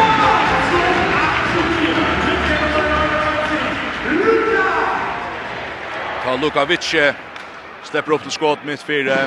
Blockan är ordet här. Vi får över centra att där och så langa där till. Och är 8-4. Fyra mål av Moni efter fyra mål av Moniater. Niklas Satchvel kommer in för första vidare. Paul Mittlund kör sig Eisler Rayo till Botchnon. Vi skiftar mål via Niklas Satchvel. Vi där fick och någon tysk och skotton. En Förringen all. Sen mycket mål vi Elias Vi tacklar Julius Grün tacklar. Tackling frukast för Janucci. Frukast till för Janucci. Elias, det är bra mitt fyra tre. Stefan Vial så rör, stappar Tromsö, men han fyrer fram i Ötlund och tända via tuskarna på han. Tuskar enda i bulten och så frädar kött fram till Tuskar ner Ernst ut mot i högre Kjem Kaj efter in mot Mine Vitche som Lais Bojar Vitche Nökvik och Sjölvström som ser ut så backar där och skiftar sin ut och Oj, där har missat bulten här. Nej, där på Nats. Lukas Mertens kommer redan in av vänstra vånche och så ska han få bulten missa men här är det Mitra på han. Føringarna skiftar världskapta för öl högt upp nu. Sölja åkra vinstsuja så mot i högra sujan till Tyskland. Och det är Skivgode längt fram med mine. Arkar så senare för Mattverje. Spelar in stig, stigna. Vi får fjärtron hon! Och vi tar Kjolls med att han inte finns till så och fjärd och mina. Här kommer på plåsten Tyskland. Elias för bötter fram efter. Hickar mot vinstra för Kjolvor. Han har gått av vägen! Han släpper bötten. Han ser sig nu då sig. Här ska han tyskar, Jag vet långt till Johannes Golla som fjärd om. Perarna då Elias ut han säger att Evers lite hål och i Tusko Vejne som är hoa backa så sätter han fera in mot ett fight i mitten och han vill helt nu här är frukast för gör men vi det är en flyer button nu där nästa 2 minuter när så jag Jeep det om att han står skjuter ner ja. Han kommer liksom fram i mitten när jag likar någon och likar ganska mest som instinkt det är runt vid golla som fär utvisningsnamn Jo, det det väl. Och Golla han skär Kadronon. Och nu i Jontastöv så reises hötten i Kiels här att uh, Letcha Eika trusta förengarna att hjälpa Sunnelaikar nu Under Talstöven spelar väl Kerstan, Kerstan, åh han missar foten för sig, Sinter Kjön, Jökdus, det blir i målet! Han är hoa kommer sig troppläkar, han uh, slapp körde av bulten så som han ville, så krötch han sig till sin natter, han krötch bulten till sin natter, och så får han i jökten, han mutsch och där går sig om, tyskar, det var ju vi, att han skulle släppa det här, Saul löj ut, men vi minkar månen att vi ner i tröjmal. 13 och en halver minuter färden, 8-5 till Tyskland. Följer på Attemal, Sintra Heppne vi i spelen här. Tar tagga Malvera nu att spela. 6 mot 6, ja, kan kanske här. Julius Kuna vinner Pache. Lukavic Amine, som är Janne Kolbacker, visar stor sykspelaren. Inne Alice Jans Golla spelar här, så spelar man Bitchemine. Så Julius Kuna mot min. Kaj Efner backar åter. Julius Skydd med fyr. Bitcher, Vincent Batcher. Vincent Batcher in i mål där. Skjuta på till högra vång. Där släpper inte Jökten. Kör på den efter backlinjen i åter. Så här, Kai Hefner, hvor er det høyre som är Jökten? Och vi bjärgar Niklas! Nej, vi brottskast, Och utvisning eisen sin Robert Hansen. Der fer Rølja spöks till Jökten, så är någon högra vondtje, Och ända vi är henka landtje här. Serpia högra vondtje, Lukas Serpe, Niklas för akkurat streifa bulten och så virar Stanch nu ut men så hygger han upp och så är så hygger han upp och så är brottskast dömt emot förjon Tyskland hever brottskast och uppåt det värre så är det att det en snäcker av ett någon till att föringen kan få en ut i två minuter. Schiller kommer att ta brottskastet och det Niklas Sachve han skorar. Stöcker bulten mittenbein Jan Niklasen Och så är det fyra mål Ammonia på. Nuccio 5 till Tyskland. Vidar spalt i första minuter. Leivor Mortensen kommer in i första sinne. Sitta sig av Vinsavång. Elias. Kött om Kjørstan. Kjørstan var just overkommer på på bulten. Så blir det sitta Nuccio. Spiller i av spel. Hon kommer av inn i en flyer her. Elias från Jörg och Voltbjerg att vi har rymmar rymmar Bjergjeng. Det är också vid egen av bulten. Han tätter ner. Helt där att vi åker av mål. Scholten här ser han bult flöj så långt upp i loft. Men vi får fram allt här. Vi får bult allt här och nytt anlopp. Elias Sjöberg ut till oj så får han fatta bulten här tätt mål och vi får smal redan in. Touch fighter fram och högra vånch Arns till fyra någon och så är fem mål mål. Största mål i dag i Verlage. Akkars där för fem mål mål touch fem Tyskland. Vi var där så här hasch jag misstag. Är det Boa Fjosser att spela en skakbult om man har högra vånk. Chokon han kör mycket fram. Här ständer och gamla känning ur Algeria. Lukas Mertens och loftar bulten och tar spelaren Rolja fram efter till Fruja Vangen hinner med en Lukas Serpe som skårar till 25 till Tyskland. Följer alla bjatter. Elias Schibbergötte. Gör det på era synder. Så Sönder Mikkelsen. På era Somalais. Innan strikna. helt för Hadunan. Och Wolf Bjarkar. Och Wolf Bjarkar. Vi kommer till striken Möldagar men vi bränner Det är den stora sövan. Vi får ju bulten fram i Wolf. Och nu lever tyskarna och tar varvat det kolback in i strik. Nu spelar samma golla här i utanspel nu. Öjlig stor strikspelare. Det var för en. In gollan frigör. Satchel Bjerger. Vi får bulten, vi får bulten. Vi får bulten. Han touchar sig ölt efter det ner. Bulten och Johannes Golla och Chims Örd Skåstö. Jag tror jag märker hur så ja. Släpper han med som mode mal någon och satt väl han ständer stinner och får bulten på inte alltså. Returen inte där för skon Anton. Paul Mytton kommer in av första sin idé Så Man ska in och spela tjej mot 6 när vi börjar sen det. Han ska komma vart men. Elias Schipper går ja minus. Men sen Charlton Johansson höger backe. Så lägger Elias av. Börjar sen det. Charlton ska backa för fatta bulten här. Så rör han mot John. Kommer vi rikta sig. Helge fri John. Åh nej, han bjärkar allt. Han bjerker i atter malveren. Vi gjør alltid at man skår i stedet Och Og så lever tyskarna i en runda rødsokken. Kajan Kross etter inn mot mine. Kai Hefner, Bjørre Rau, det fram i tvist av mannen. Nei, så halter vi dem vel, vi pinner i kron. 25 Tyskland, 25 Tyskland. Og Andreas Wolf i mål når man stander vi. Ja. Godt og vel, Meiren. Holtrush procenton i Bjergjengån. Puskarna lepa efter 8 av 5 mål och vid att tropplaka vi får bulten i mål i himmen. Nu kommer Revsokna och John Kuhn kommer upp fel med kvinnorna siktat Han kör fram i ett Nej, så får det frikast. Så får det frikast. Johannes Skalla spelar frikast upp och så lepa tyskarna och Anutsson. Kai Hefner högra backe. Lugavitski Amin. Så lepa han här. Krossar till. Och Petter Leise vi får få Pettersson natter. Hitcha mot vinstra von Kirla i morse för Pettersson kan komma alla vägen. Har kröströjligt. Och han får brottskast. Här ska vi utvisning minimum. Ja. Och till högra van Kjell som har varit rättliga målfarlig i det. Lucas Serpe som ska ha vattnet i 2 minuter. Bulten honker lanche mot Lai Morsen ska just Omek för lofton och så var han krossar näckas äckligt. Han risar står en tyska som kör på inte rutsch någon. Bøtter fra om man om man fyrer men her alltså brottskast för gör Elias Ellison och Shiva går för attacka. Elias Ellison och Shiva går för attacka. Så är brottskast. Höll rejs i att det vill trusta. Elias Ferngen mot Wolf. Oj, tuska Malnon. Elias skorar. Elias skorar. Fyra mål ammoniator. Fyra mål ammoniator. 26 till Tyskland. Vi har spalt i kött 18 minuter. Förringarna, en flyer av någon. Knöpp knappt ja, tvær minutter herne. Tuskar ikke skifta stora ut helt der. Bara Sean og Tobias Reikman inn av högra vank nå. Som er spalt nekka stadig til for Tuska landslige. Så får vi lengt ut. Hatt på mina orekva Rekva til Elias. Så lever det første mål minst av bak stannar har mitt fyrir. Og tar missa bulten. Ja, tar missa bulten vid Dajan. Er tømt mål. Vi kastar ikke visst enda. Willem Poulsen der. Og så kastar han mål og mål. Og nå skorar Willem Poulsen fyrir. Skorar Mikael Mon til tru mål. Tutsch og tjej til til Tyskland og Willem Poulsen hetta kostar ein dorst. Han spelar ikkje all upp i det, tog at han fer ikkje stoppa upp til hoppeskot. Trupleger John er at han fer fram og i at all upp her og Her er ikke mal ved fire, men verleggeren er så stor at han nøyest å hoppa. Han offrar seg så til og fer bulten i malet. Tuncho tjej til Tyskland. Jeg vet ikke hva det koster jeg kommer ville. Mål her kan komme nast i verden. Han kommer ikke inn for fyrst. Jeg kommer ikke inn for fyrst. Tuncho tjej til Tyskland. Tuncho tjej til Tyskland. Og tar fer opp her, Åh, vitske han skjuter så vel. Han slipper bare fra ut fyrst taklingslig, og så er bare en kammer som sitter etter i første Malmö. Ett for tjej til Tyskland. Luka Vitske Amine. Elisa Sjubgøde, Bjørn Rau, vi er kjærsta, vi tar plass, og hun missar bulten, og frikast. Frikast fyrja, fyrja var vreda bulten, det er bare nudjon, Elise mitt fyrre. Og i resenter så sier Elias Erska torskast på her som han hatt seg det. Etlevo, Tjej, til Tyskland, vi har spalt igjen her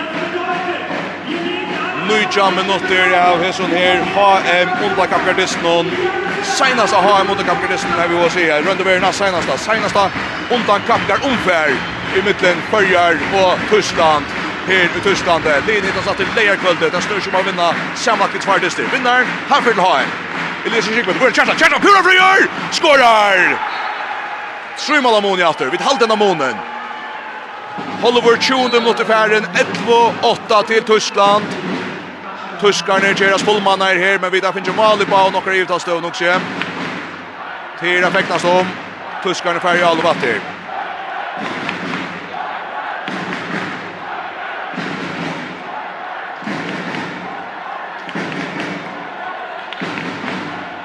Luka Vitskever, Amine, Elias Uttio, Årebrann, nästan hattig Amine, släpper Julius Kuna, Peter Krog, packar han in! Packar han in, frukast till Tyskland, att det är till. Vi kommer också så tar Alfred Gustafsson timeout. Like bra. Nu vi där spalt just 20 minuter av HM under kapgardisten och disten om HM enda spela i mitten Tyskland och följer 11-8 Tyskland. Och är Färja täcker det kunde kökten taxens målskyttar om uh, tökten här i höllene vill mer till rätt. Helgildarsson har skorat två mål och på fem rönter. Hago Mesta Tajon två mål på fyra rönter. Kerstin Hansen två mål på två rönter. Niklas Satchvel en ja, ska Willem Paulsen sätter ein ett mål på ena runt. Elias Ellison skjuter det ett mål och han så det fem runt resten. Men alltså ska vi har fröjer. Så för Tyskland är här det sitter väl spett utåt där mot Luka Vitski. Han är en trubbelage. Han skorar tre mål på sig runt där. Där har vi runt och blir bara rätt två skott. Hei Hefner skrætt mal, høgbakk kjadda mot Luka Vitske til Vinsbakken och Mian kjadda mal, skår tre mal. Sen Johannes Golla står i striksbarn, skorar ett mal, Luka Serpe, högt høgre vongren två mal, Mar Marcel Schiller kom inn og tok brottskastan skor ett mål. Lukas Mertens skor två mål og Simon Ernst skor ett mål til at Heston Ford at tyska Tor. Så han kom vid skor så där Andreas Wolf i 8. Bjarkar på femte runden till Ötabrik 37,3 procent. Och tyskarna tar tag Alliance nu om man vidare finns en bättre Vergen tar sjätte Paul Truxin en öjlig läkare. Han hit. Han ser så bra ut han är bra. Nu lever mot Kjarsson. Han stäver bara till Jöken och skorar på en av VM. Paul till 12-8. Han kommer i hopen här. Bujar först.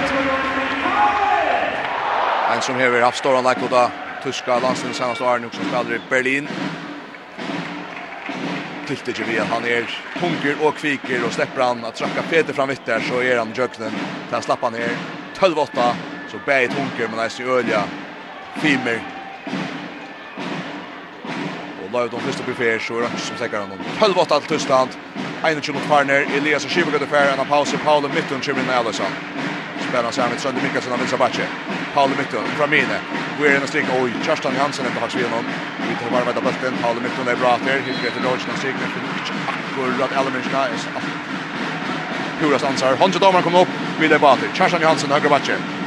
Kjører så mycket som en fjärr. Inne mot min, uppe enka, after om sig Kjärsta, Kjärsta, den strikna, råk för Pedron, han vill packa. Frykast til Färjar och vi tar Lötlar och vi tar Aina Alvinget. Vi tar Aina Alvinget. Så ska vi skjuta ut fra. Kan man då veta så mycket som ska få ta upp. Där gör nästa. Blocker fyra, vi får hotna kast. Vi får hotna kast. Peter Krok kommer in och bjöd sig till att eh, Vi tror Elver här, attan i vötle. Och sen har stigna, Roger Pettersson, han skorar Roger Agraloi. Råkur äkrar lös strykning. Vi har otroligt häktes det och Malen live och Morsensen har hotna.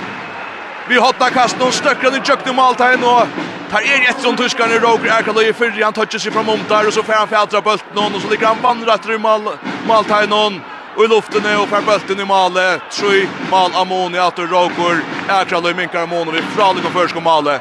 Tölnutjo. Vi löser han stöv här i vår otroliga kröster. Tuskar nu aldrig bättre. Vitske. Drugsmitt 4. Vi bjør ja. Og så stemmer det bøtten i høttene og og nå tar jeg igjen at vi frygaste, tar jeg igjen at vi frygaste. Paul Drogs blir helt i mitt fyrir, så han stemmer om han har minst av vank, og Hakon Vesta Teien, at det er han etter hans bøtten, men...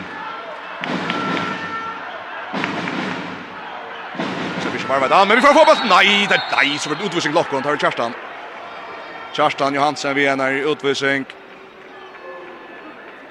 Jag får på shot av vänstra backen skott, inte gott. Så jag rätt satt så inte själv är ska säga är ju öl öl av först kom brullen där men det är också inte akkurat utvis jag så stöna.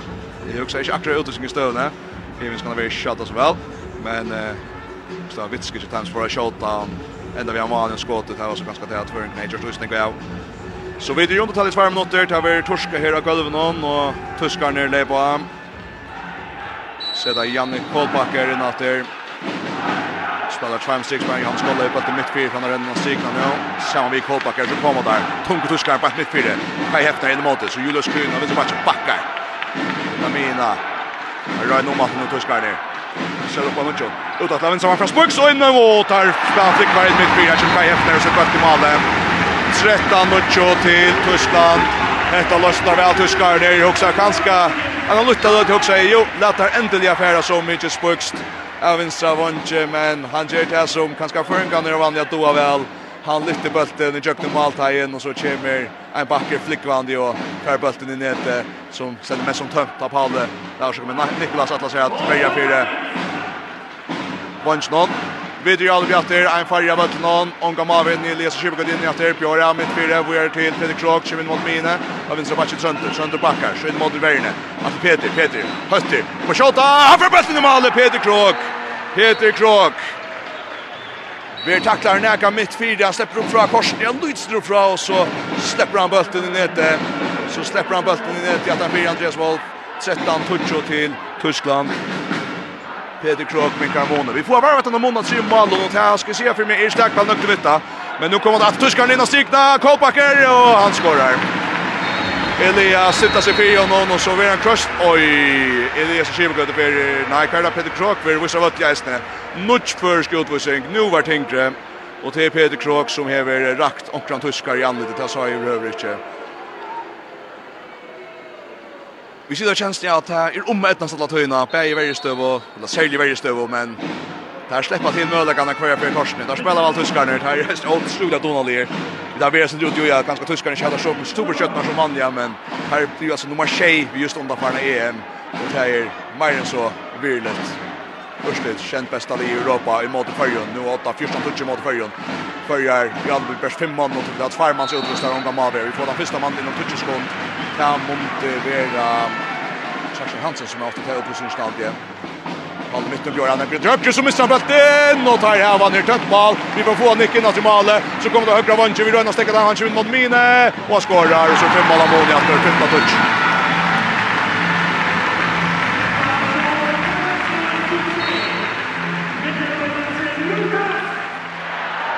15 touch och högre vankren Lucas Serpe spelaren gående tja Tyskland. Det här skorar han så ut fjärde mål för att leverera trea möjliga 5 minuter efter att förra hålla 15 touch till Tyskland. 15 touch till Tyskland. Vi Jontal vi en mann i och i går åt Tsushikon Paul mitten i botten längt att sig av ett någon ransar högt så det är Shimogun som har sett bra från vänster back för vinst vi är ju det högra backen som Kerstin Johansson i målet vi är Paul mitten ligger mot Eliasen så är de måste passa till också innan stigtar Roger fram vänster det ger Alkanska ja han sätter en utvisning han sätter en utvisning det är Paul Truck som ska ut i 2 minuter Roger Akralus Struje som är vet inte kvart han vill helt nattland som han är där Risa stora Paul Trucks Vi mig var när la jag runt över patch då tja. Tja Tyskland gör Roger först lite så i jökta han släppte skott till Vernon så frukt skott. Malmö Bjarkar men här frikastle för jar och här är utvisning till Tyskland så är det lucka näka Vörtland. Har skotchan och så kör vi Alfred Gustafsson. Tyska landsvänner vi har otroligt onödigt när vi har tätat som lättans smörjning någon. Lätta kunde kakt nu det här. Elias och Kipper kunde Kipper i utan spelet. Vi har många malver inne så är en flyer i allop Vi får åka Utvista av man inom halva minut. Här är vi Kjartan Hansen, ena strikna. Rowe går för frikast Frykast bärst, vet till brottskast. Frikast. Frikast. Rikka väl ser storspöltan från Kjartan Hansen, ena strikna. Och följer Jalloberg. Elias Ellersen, Ellersen har skipet gøttet mitt fire, og jeg som har tjakt han til Elias, Elias inn i målverne, og han for den! Oi, Volpi Jimmar Bjergjeng, Elias råbra domeren av lav brottskast, men Taverer ikke dømt, og tyskaren at Jalope. Så det var da, bøtten sin leser, og vi får takla her i Frykals Tyskland. Etten ikke vi føringen her, vi får simpelthen ikke bøtten fram i Andreas Wolf, for vi spiller vel, så kommer vi til kjøkken, så stendte han fyrir. Andreas Wolf, vi ved Kjeldsjø i Holland. Kanska samma med Johannes Golda, stora, största stjärnan av tyska landstiden. Där kanska, och Iva skulle vi kanske helt sagt. Tar spelar aldrig bara tvär. Wolf ganska bättre. Kai Hefner, högra backe, Lebrater, vill ha vinstick och några fel, och släpper in i mål, finner golvet, den stiger golvet i jöknen, och han lyfter bättre i mål.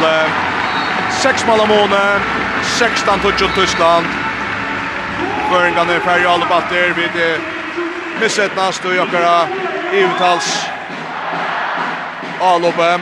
Men nu skulle vi bøte om skian. 70 minutter etter av fyrre holda ikke av HM mot kapitisten om den Tursland og Førjar. Førjar i avloppet. Inn midt fyr. Her Elias. At Kjerstan Kjerstan Kjarstan. på oss At Elias. Her er Øl Jodjans etter honom. Så Kjerstan Ut av høyre vong. På etter foten av en verleggare. At det ikke røse vers, men vi får et innkast. Innkast til Førjar. Tuskaren just fullmann er om 8 sekund. Og ikke nå på den korsør Elias. Läggt ut högra vång og tuskarna av lista och vi häpne på bøtt attrer. Lukas Mersten av vänstra vånche ska ha just utsax och Kerstin Kerstin fast nei, jag slipper kjøkken. Vi då tidigt frukat skafsia där så det bara vi då 6 mot 6 spel inne fullmanna i Ein tur løta för förringarna vi fick några utvisningar så fick vi en tuskar utvista, men fick inte skacknytta Så månader kom upp på det största i det att det var till 6 mål 16 touch till Tyskland i mål i förrjun. Det var stora søvn er vi er otroliga ohöppnen framför tyska Mali och särskilt Andreas Wolf i tyska Malnon 16 touch till Tyskland. Följer i upp med tyskarna kommer ut igen offensiva värjat nu vi skjuter sen åt Helge Höjtal, kommer in och strikna Paul mitt under mitt fyra vinstra back i det själva sätta skiva blöde Charlton Charlton Johansson högra back Det blir Lesa Hansson domaren uppe så Krossar vi live in och strikna och vi kunde inte få fältet, på det jävla tisch Puskar nu aldrig att nu att det rör på Schema Lamone Vi har varit 2 minuter efter ja. Vi har 2 minuter efter ja. Oj, vi har 2 minuter efter. Men hålla ju vet inte vad det kostar och kon. Hade vi släppa sketchen ner. En förinker ut ju hötte vi att tackla en Tuskar i anledning ända faktiskt vi har en god stora chock där Vi frikar Tyskland och vi får skipa på matchen i världen. Här får så skipa sig matchen i all upp någon skiftar sig upp. Paul Drucks av vänstra backen, Luka Vitske av Mine. Kai Hefner av högra backen. Sergej Sivritski som är väl och också O'Reiner. Skiva där spelar. Kjem kan Hefner fer mitt fyr. Det är bara mittfält där uppe Henka och lanka till med. Sergej Antonucci Tyskland och vi får mina och vi får mina. Oliver Annar minutter etter av fyrre halvleitje, Sejan Puccio till Tyskland i måte Førjon. Vi fick helt i månaden, Simon Malm, också Lange, nu skrattar ena löte. Nu skulle vi dra in att böta syndromet av dessa fjärstöden som är kommen. Bøt om etter Sare som er hoa ganske blå lyd i sindra krann og dette kommer til å gjøre opp ned Kjerstin Jansen om man har bak Gå han først bøtte malen han hoa steppa seg i jøkten og så finner han lyd i plass i midten beinet til Andreas Wolf han er nok kvika stekket og vi får bøtt natt i frikaste. Kjerstin Jansen i alloppe Namina, så har vinner bak Kalle Mittjo. Kalle Mittjo. Han har bara sett jöknen, han langar till, han släpper från visen, men lägger langar bulten ner. Vi får mål ur Sejan ett och kanske kommer. Fjörd sekund efter av fyra hålla igen. Nu rör vi det stäcka där ner i all upp någon. Första förska mål ju ena goa löte. Sejan Etlevo. Sejan Etlevo till Tyskland. Kalle Mittjo minkar av månen. Ta 25 sekunder efter. Tyskarna lever. Vitske Lolla kommer halvt att Ramin gör omkring. Vi drar ut i arka där läcker vatten.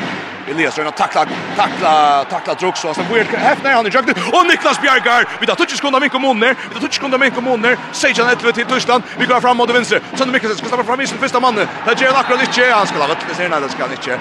Frukast och så för hålla glänta. Åh. Jag ska så se nu ständigt Sönder Mikkelsen. Nu stäcker er. Og vi er tjøtje som er skrøtt av, skrøtt av her noen tjånen. Han var nega grammer tyskarna stekkon her, tar vi rundt fra fram av minka. Og månen i Østeløt, ja, fyrre holder ikke. Men fyrre holder er altså er Seitjan Etvi og måneren. Hva det hent er tid at få ei og at her rett og slett Andreas Wold som har haft en rikva bjergjekon. At du får at høllene her må lavera en nutje bjergjengar. Det er til for ikke å være helt alai. Og så føringene som har haft eh, tvær Og ta blöver en måned på seks mål. nok så kjåter å finne. Seitjan etve til Tyskland i måte Førjon. Spelet kjør Førjon hev til tog er godt. Vær i verje spillet, og alle spillet. Vi tar vi åpne i alle på vi har vi tar brent og ytla. Vi tar først kom allskjøttan her. er så es. Her er så les her. Helge Larsson har skåret 2 mål, Hagemester Tajon två mål, Robert Ekrali ett mål, Kjartan Johansen två mål, Willem Paulsen 8 mål, Peter Krok 8 mål, Paul Mitten 8 mål og Elias og Shivakadi 8. Mal, vi skulle røyna få bølte fram i Andreas Wolf og i hinnon enda noen, og ja, kanskje få en av Bjergjik etter tvær at rett timen som vi, som vi langt å heva, så kan vi kanskje heva också kombinat till dysten vi men här i Tyskland blir det som vanta om man har i förra hållet min känsla är att månen kunde vara lite synd minne om häpne vara synd mera vi akon vi får vite hvordan gonger i setna Hollage. Vi tackar för fyrir Hollage här ur Kiel, Sejan Edle till Tyskland. Sjuror, hatta er ein forferdelig murer som heter Wolf. Uh, annars er berg Weber og Knorr og Tuska linon som tar atla ganska grilla okon. Ja, det er kjetta stora til der enn også, men uh, jeg har spalt nok så smalt tyskar nok i eisen. Altså Sejan Edlevo til, Sejan Edlevo til Tysklands. Nu sett ni hålla groma börja tyskarna har sauna sig en trunka nu och helst hampliga väl nökt i Gustav Spalt förra hållag. Nick Nick Avis ting Nick har lötru dysten så för en gång kommer nökt vi Troplagen är och det är snäcka så tjölj ofta att han kommer i så stor dysten här så vi att det otroligt att tropla skåra att ha till hur just att omvägna komma fram till målagan som och det senaste som Spice manglar det är en helt särlig Malberg han är tilltagen som en av Heims allra allra bästa Malberg och var otroligt outjande för också i 2016 tar i Tyskland vann EM 8 nu och i över otroliga Nick Go Avrik här i Kiel Eisner. Nu spelar han i polska PB Kielse men i allt är sin skilt kan här i Kiel att det vant att få att det vånat att få han innan där det skulle skifta Malvia till kommande Kapping Garar här här han ödlo för och just goa reklamen för sig själva han ständer vid 90 procent om Sejan ett till Tyskland nu vi færa under Satna Hollaik av fyra under Kappgardisten i mitten Tyskland och följer här i Tyskland. Lin hittas att det lejer kvölte Och till vi skulle ha hoa ta till er att det är alltså ens område av mycket fitt om månen som det är att eh, ja, man ska kanske inte också snäcka om att vinna akkurat. Men det snurrar som ha också spel om lejer kvalitet i hållset. Han stannar vid det här är bättre tredje. Förra börjar vi Shimon i alla uppnån.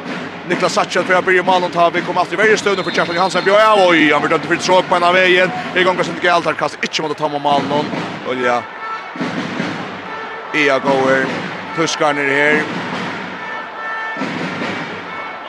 Kjell Det är nästan först ska lite anser alltså där att det finns så otroligt lätt att där mot har vi lägga på här på Chile först början på sätta hålla. Jag tänker sen hampeliga Cheli början och på förra hålla.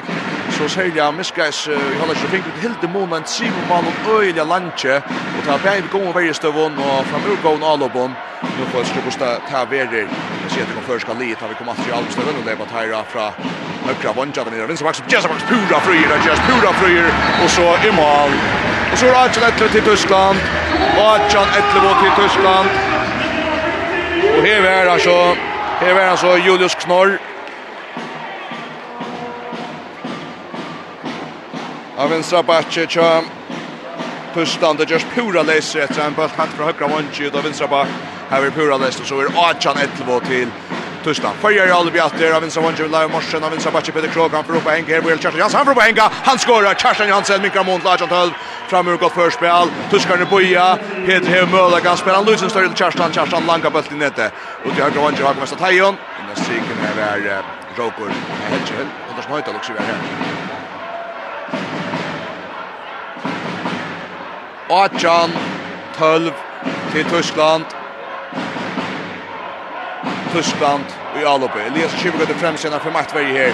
Ull offensiv ut hans efter Kai Hefner finner en mål. Finner strikna fram ett här. Där ger han här brottskast. Här är brottskast till Johannes Skolla. Kai Hefner sen inte senare fötter efter här att man vid att tackla han. Kanske näka Ekvist leva i skämmen. Alltså brottskast till Tyskland. Marcel Schiller för att komma in och ta det här. Vi möter Nicolas Satchvel och i första Malmö.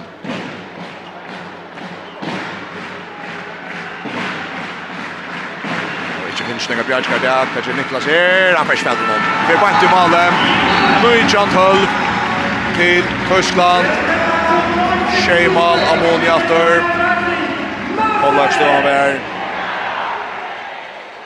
Sejan Etlevå til Tyskland. Vi har spalt i halvan 3 minutt av 17 Kollak her. Tyskland har skiftet ut, Vonne kanskje at han kan kakna noen eka, da kanske ikke spela vi, ta mot første bakken her vi hoa sida. Elias Kiva går det bra fra Grabache. Backar efter här till Elias och Peter Krog. Och på tvärs väl mot Byrjesen då lunchen här. Elias det är bra mitt mittfyr. Och är Peter Peter från vänster matcha Dromsen Roker från vänster. Där Janic och kvärt så fel mål Luke broadcast han vinner så här broadcast Roker. Och han vill han vill Julius Knorr av att nästan. Bulten ligger inte till att Roker skall släppa till näke han helt skridis till Ulla väl och stan fick Petra bulten så struir han sig nog vägläggaren. och han vill helt som inte näka det här ska alltså vara brottskast för Jar Elias och Kivaka Schibbe att täcka. han har skårat här brottskast han tog det Tuskarna skiftar ut. Andreas Wolf är otroliga orena vi och tyska och Nu är det till Klippke som kommer in i malen. Malmö. Elias Ashiba går emot till Klippke. Och Elias skorar. Stöcker han med beina Malmö någon. Nu är han till Tyskland. Knapper. Gower, trutje minutter, Røndeberg, Farnir, han settna, holda ikke. Men go, Gower, rett rett. det er nekka som etter sånn utrolig vel, vi finner strikene vel, vi vil stry og kunne kjøkken, tar vi kom på kant. vi heva opp, så gjør det her. Trupleisen er veldig ganske, ja, man har ofta sier at det er søsta. Månat ner sex mål och 13 Tyskland. Vi har spalt i Holland fjärde av något sätta hålla Holland. Vi tror att en otrolig offensiva värja i det som bygger det nästan på midjan sätter Lukavitski här så Björn nu om han mål och Kravinsa Och lockar tar av vänstra backe. Släpper drar mitt fyran. om han, högra vång och tar först Fältson han och länkor. Vi får bulten. Vi får bulten. Peter Krog kastar. Ja, kastar mot Tom mål men här kommer Wolf tveitande, och vi får få bulten. Han kommer tuskan in i mål. Han får fädra bulten och typ Peter Krog får bulten aster, han kommer åtta normalt här någon. Loftar han och länder eknormalt här. Det vill säga han trackar. Josh even trackar rätt och slatt. Oj, oj, oj, ja. Åreiner här han är Andreas Wolf. Han är det är tro på att göra. Gjera nekka vi av Josie. Vi tar fram i tjej mot sex spel någon. Kjartan Johansen och Elias Kjøbegøtte. Nej, han kjører spil 6 mot 6. 5-6 på en råk, rækker og Elias Strikner. Vi har Kjartan, Kjartan ved Elias, Elias Astromsi, om han vinner vinst av Leiver, pura friar! Han Nu Nujjan Fjörsson Tyskland, Och vi får vissa man av ett etter. Det är... Eh, Nucci tyske bakgrunn ur FC Porsto, som eh, Lukas skal Kajemer Omeka, minnes navn, jeg kjenner han ikke så vel. Eitor Gibril Benke. Han vil vise av vötle for at han har rakt Elias och ja, og i anledning så tittar sig endtøkene ner. Og Elias öl häktes ner med rakt i anledning. slipper bare til omse live bort hever hevra kuffa over rallar upp inna. og tar sig han väl. Honkur Lange legger bulten fram i malväran. Andreas Wolf setter seg, Live legger han högt i malen. är Fjörsson Tyskland. Tyskland är tvär färg av vötlan nu. Där får sin första man inom 33 sekund. Lät och kontakten det heter. är Fjörsson till Tyskland. Kørjar och i Orsaka med Tyskland i avloppen. Vi ska se där efter. Följer i Värjestöva. Men han försökte igen här i avlöpande Värjestöva. Nu får jag backa gammal nu. Är ju inte oräkad av Öljanek. Kaj efter högra backe. Lever försökt av han. Pressen upp plats i tjata igen. Han skjuter fram i. Och vi får här få brottskast. Åh nej. Och vi får en utvis i Geisne. Hesa sövna sov där sin fyra hålla. Nu haltar vi vid hävarna goa stöve. Vi är tvärflar av Ötlån. Gångra löjt löta. Och nu är det tyskar som har fyrmån. Trønder Mikkelsen, Honker og Kai Hefner, tar skia til noe Inge til en utvisning. Jeg vet ikke sjølver. Marcel Schiller kommer inn at det tekker brottskast. Paul Jakobsen kommer inn i førskamale. Niklas Atras der med en passion her. For Marcel Schiller bjør på Jalange, og han skårer. Skårer trygg på Jalange, så legger han bøtten støtter olja fram i Paula. 24 Tyskland. Vi tar en ivtastøv i Alopnån. Vi tar en malverjan ut, og spiller vi seks mann i Alopnån. Tuskarna framme spela fem i vägen. Det är där i en minut alltså att Föringan är en man till en man och i en minut och 30 sekund. Nu är det så där som det är då och jag ska göra till Elias. Så kommer Tristan Vi är Kjartan, Kjartan. Hötter och Patton så läser vi missar bulten. Här tött mål. Kan göra där. Jag vet inte om det är nåda. Vi får Niklas Satchvel i nattor helt helt galen Ändå og i førskall opp noen her tar vi et hevan i uttalstøv och Bultren kläpper och hånden. Bultren kläpper och hånden. Och så är framme 20-14 Tyskland. Och ända av Lutla med vet att hur effekten står om hon är om man gör sig några dör på Lötan. Tyskarna här var möjliga. Avrevsokon och Tyre är ju i övertalsspelet.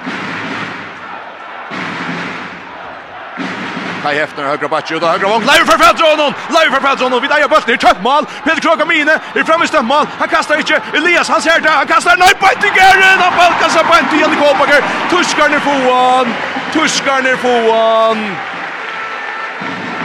Och så är där Jöknen och så är mål och så är Aino 21 förstan. Nej, nej, nej, att det galen inte i först och all upp någon här. Och jag har inte ett rum Peter Brösa Varsen ska få ut att be om att Like nu. Nei, det gjør han ikke. 21-14 Tyskland. Vi høyde mulig en tømpmål. Og kastet han bak. Og i mian av en tyskare. Og det kostar beina vi hindan hon. Elias det er bra nuttjo. Innan strikna. Helger her! Og han räkar under Ivledjaren og ut. Og ut. Ivledjaren ut. Og tyskarner og i Alubjatter.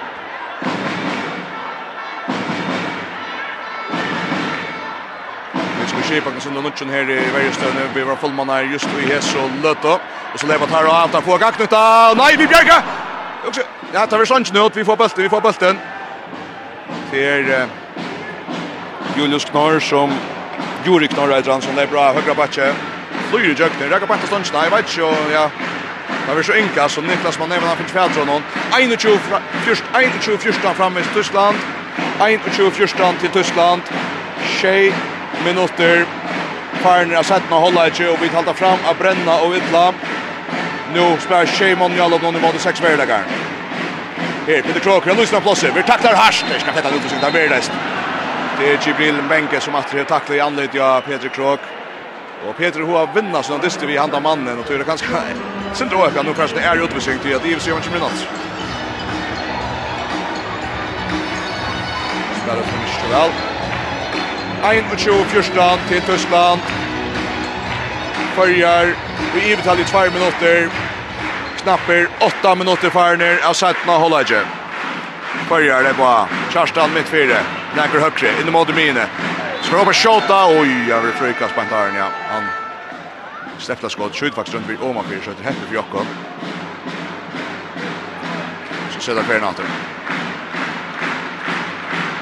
spelar sex man i all upp någon mot han fem tyskar.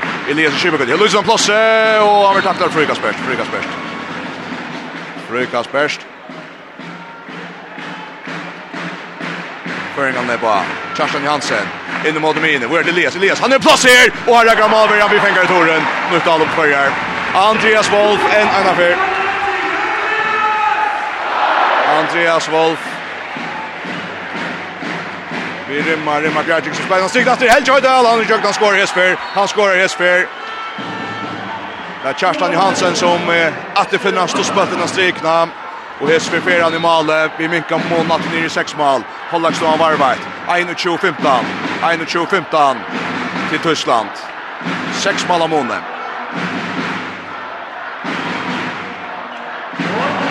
Tyskland. Och i loppet. Paul Drucks som Kai Hefner, från vänstra backen, så lever där när det vänstra kvarta vägen, Sasha Bjerger i brottskast. Här är brottskast och här blir Sverige inte annat av Vidic. Det är Juri Knorr som är färden att uh, Ratja ser nok så väl i tyska allop någon. För öliga brett fram i och bara batcher kommer jökten och så vill han tackla här i broadcast. Pauli Jakobsen kommer att i första målet. Pauli Jakobsen kommer in att i första målet. Marcel Schiller hur skorar i mål emot Ötsund brottskast mot förjon här till. Nu rör mot Paula Jakobsen. Marcel Schiller på Irland Jatter och han skorar åter. Han skorar åter. I bästa vötlen på i brottskast i Skronne och han har oss vidare att trycka för en gång i när vi igen. 22-15 till Tyskland. Nutje och en halver minut i færen og sett med holdet igen. Førjer det bater i givetale i fem sekunder till att få ett aktivt här Ivest. väst. Och man vinner från Gud, live reject den. Han skorar väl, live och Mortensen vid rymmar malen. Öle går spel, live och öle plås, honkur lunchen och så sätter han honkur lunchen i jökna maltajen och så sätter han bulten om Andreas Wolf. Och ja, det er en stor skott i mitt fyra till det kanske inte är van vänner vi. Det är där att jag lägger ofta. Andreas Wolf pickar upp och hickar efter. Kustar vart hela att Skulle det inte så så mycket nicka bollen så ändå till här. 22-16 Tyskland och så färda framåt och det brottskast. Åter är det Juri Knorr åter så inne vänstra backen som släpper i jöknen. Just som Janne så vill han tackla vår skarpt och här är brottskast Tyskland åter. 22-16 Tyskland 20 minuter i farna så att hålla Marcel Schilder kommer in åter att Tackar brottskastet. Det är skora Och där får han till Gier till. Nu rör han sig något mot Niklas Sackvel. Marcel Schiller och han skorar efter. Han blir på i lanche. Och för det vill säga det Hesper spelar ut ut att domaren har bruksla och så stöcker han bollen åter fram i standard fot med Niklas Sackvel. 7-16 till Tyskland. Shea Malamoni åter. Hollax då han Hollax har vi att säga vi vi sex mål hur vill ju här nu spelar stig efter Helge Jöksen han skorar så ett fjärde mål 4-2-16 4-2-16 Trujo Sejan, det ska. Trujo Sejan och så för Juri Knorr efter och så ska de mer jocka ut. Juri Knorr han är på jocka. Oh, han vill rakt i anledes här där och han vill beina vägen vid hjälp det. Jag vet inte om det kostar rekord, du vet. Askarna kräver rekord. Eh Juri Knorr rakt i anlite ta i han project mitt för till Elias och Skibegøtt jo helt Höjdal som är efter mannen. Och han fär så ja, hva sier han? Skal vi ha en utvisning till Elias och Skibegøtt. Tvær mot utvisning til Elias Ellefsen og Skibegøtt. 23 sejan til Tyskland 6 mål av Måne. Hollakstuen var sejan 11. Ångsvekna hever hatt av første touchmutten der av Tutsi minutter av setten håller her, här över mye godkjenter. Vi tar bare varvet månen. Nå, atter en først utvisning som gjør ger og fire mån. Johannes Golla, mitt fire. Ser mackaren till sig. Jannik Kolbart kommer någon sikten. Så lever da her mot en 26 där. Og på kjota, og bøtter for så tycks till Malen. Öja, öja, det är Julius Kuhn av en Sabatje. Steppet till skott så är Omlai et fet utanför tredje mittellinjen og han släpper bøtten i mål så lats match var Pauli Jakobsen før han kommer in. Nästa väg just över nu spelar Föring kan i avlopp. Jonas Gunnarsson Djurus kom inn. Vet ikke om det var fyrst og fel ut det. Nu får vi ett lucka prata sin John tension. Like bra El Nutjon, like bra El Nutjon. 4-2-16 til Tyskland. Vi har spalt i just 11 minutter og 15 sekunder setten av Hollandje. Føringene har bygget om å ta som tinsje en minutt. Og jeg vet ikke hvordan er stod om vi har på lana annen til Tamate. Og stekken. Han har kjøttet det. Vi prøver. Jeg synes ikke Jonas kommer inn. Å ja prøv efter. Øh, vi tager lige først. Øh, Grundur starter i midten. Trondur ja. starter i midten, spiller fem venstre. Halvtid, så får der installeret derovre. Så vil jeg have en returaflevering. Ryk Schwarzer. Ryk Schwarzer. Ja, ja, ja. Det går også bagefter. Ja. Først fem, så kommer du ind i midten, så der er lavet en returaflevering. Så er det Ryk Schwarzer ud under der. Ikke også? Ja, ja. okay. Prøv efter, når vi øh, gør 6 på 6, spiller Jonas ind med Trondur og Sjørstad. Vi forsøger os med nogle dobbelt kryds. Ja. Eller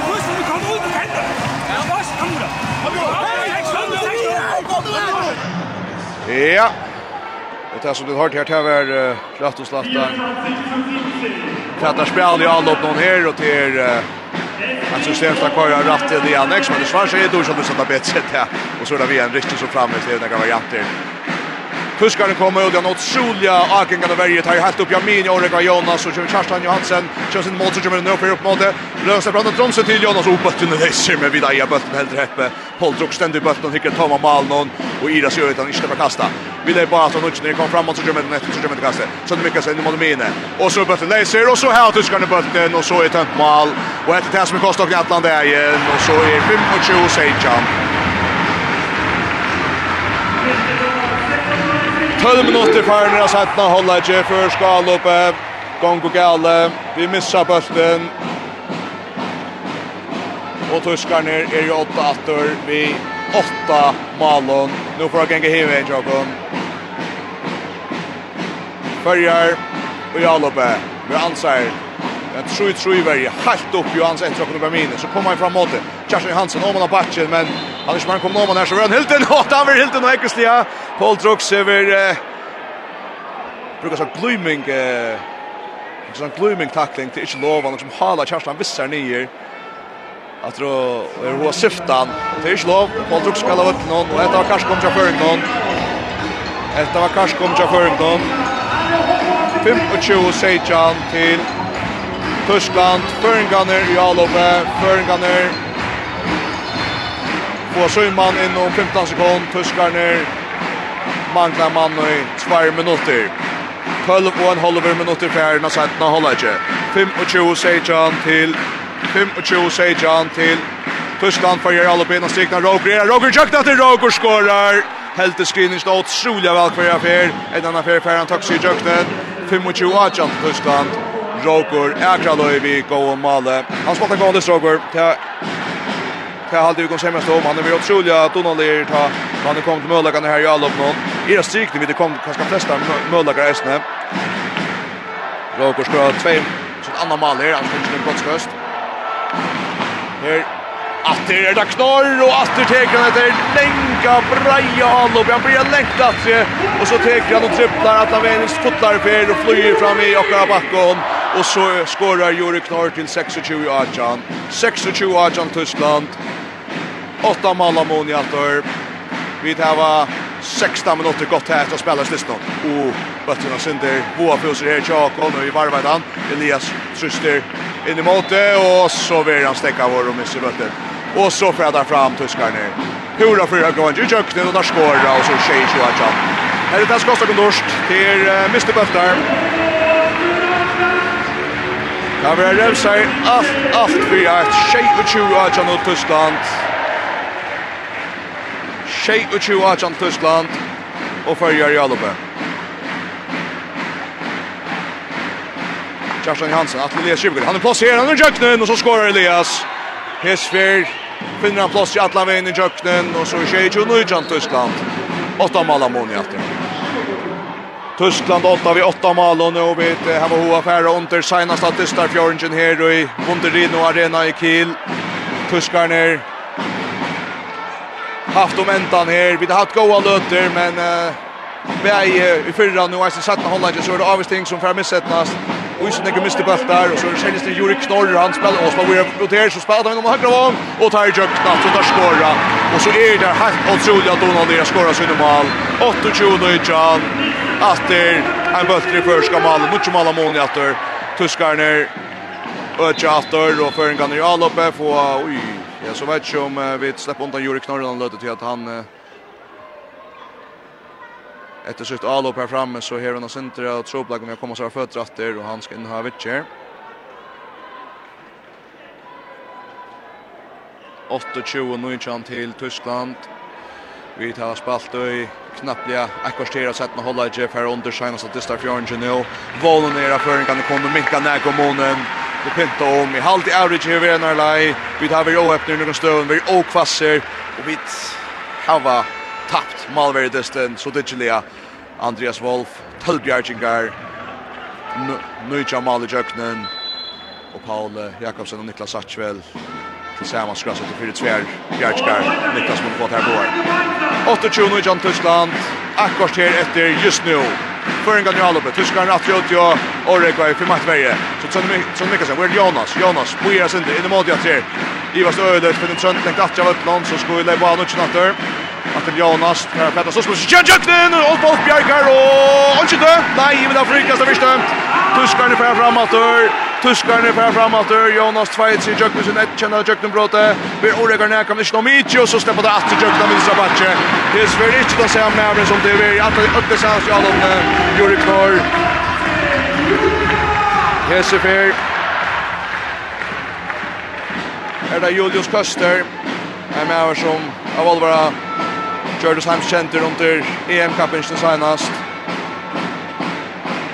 Unge spjallskipar noen trolig høver, men eisne kviker som vi så her. Nudje Tjono, Jan Tyskland. Forgjør Albiater, Jonas Tjuros, krosser etter om Kjerstan. Så Brett Orekar ut i serveringen. Vi har stora trodblockar för matchvärden i Tyskland.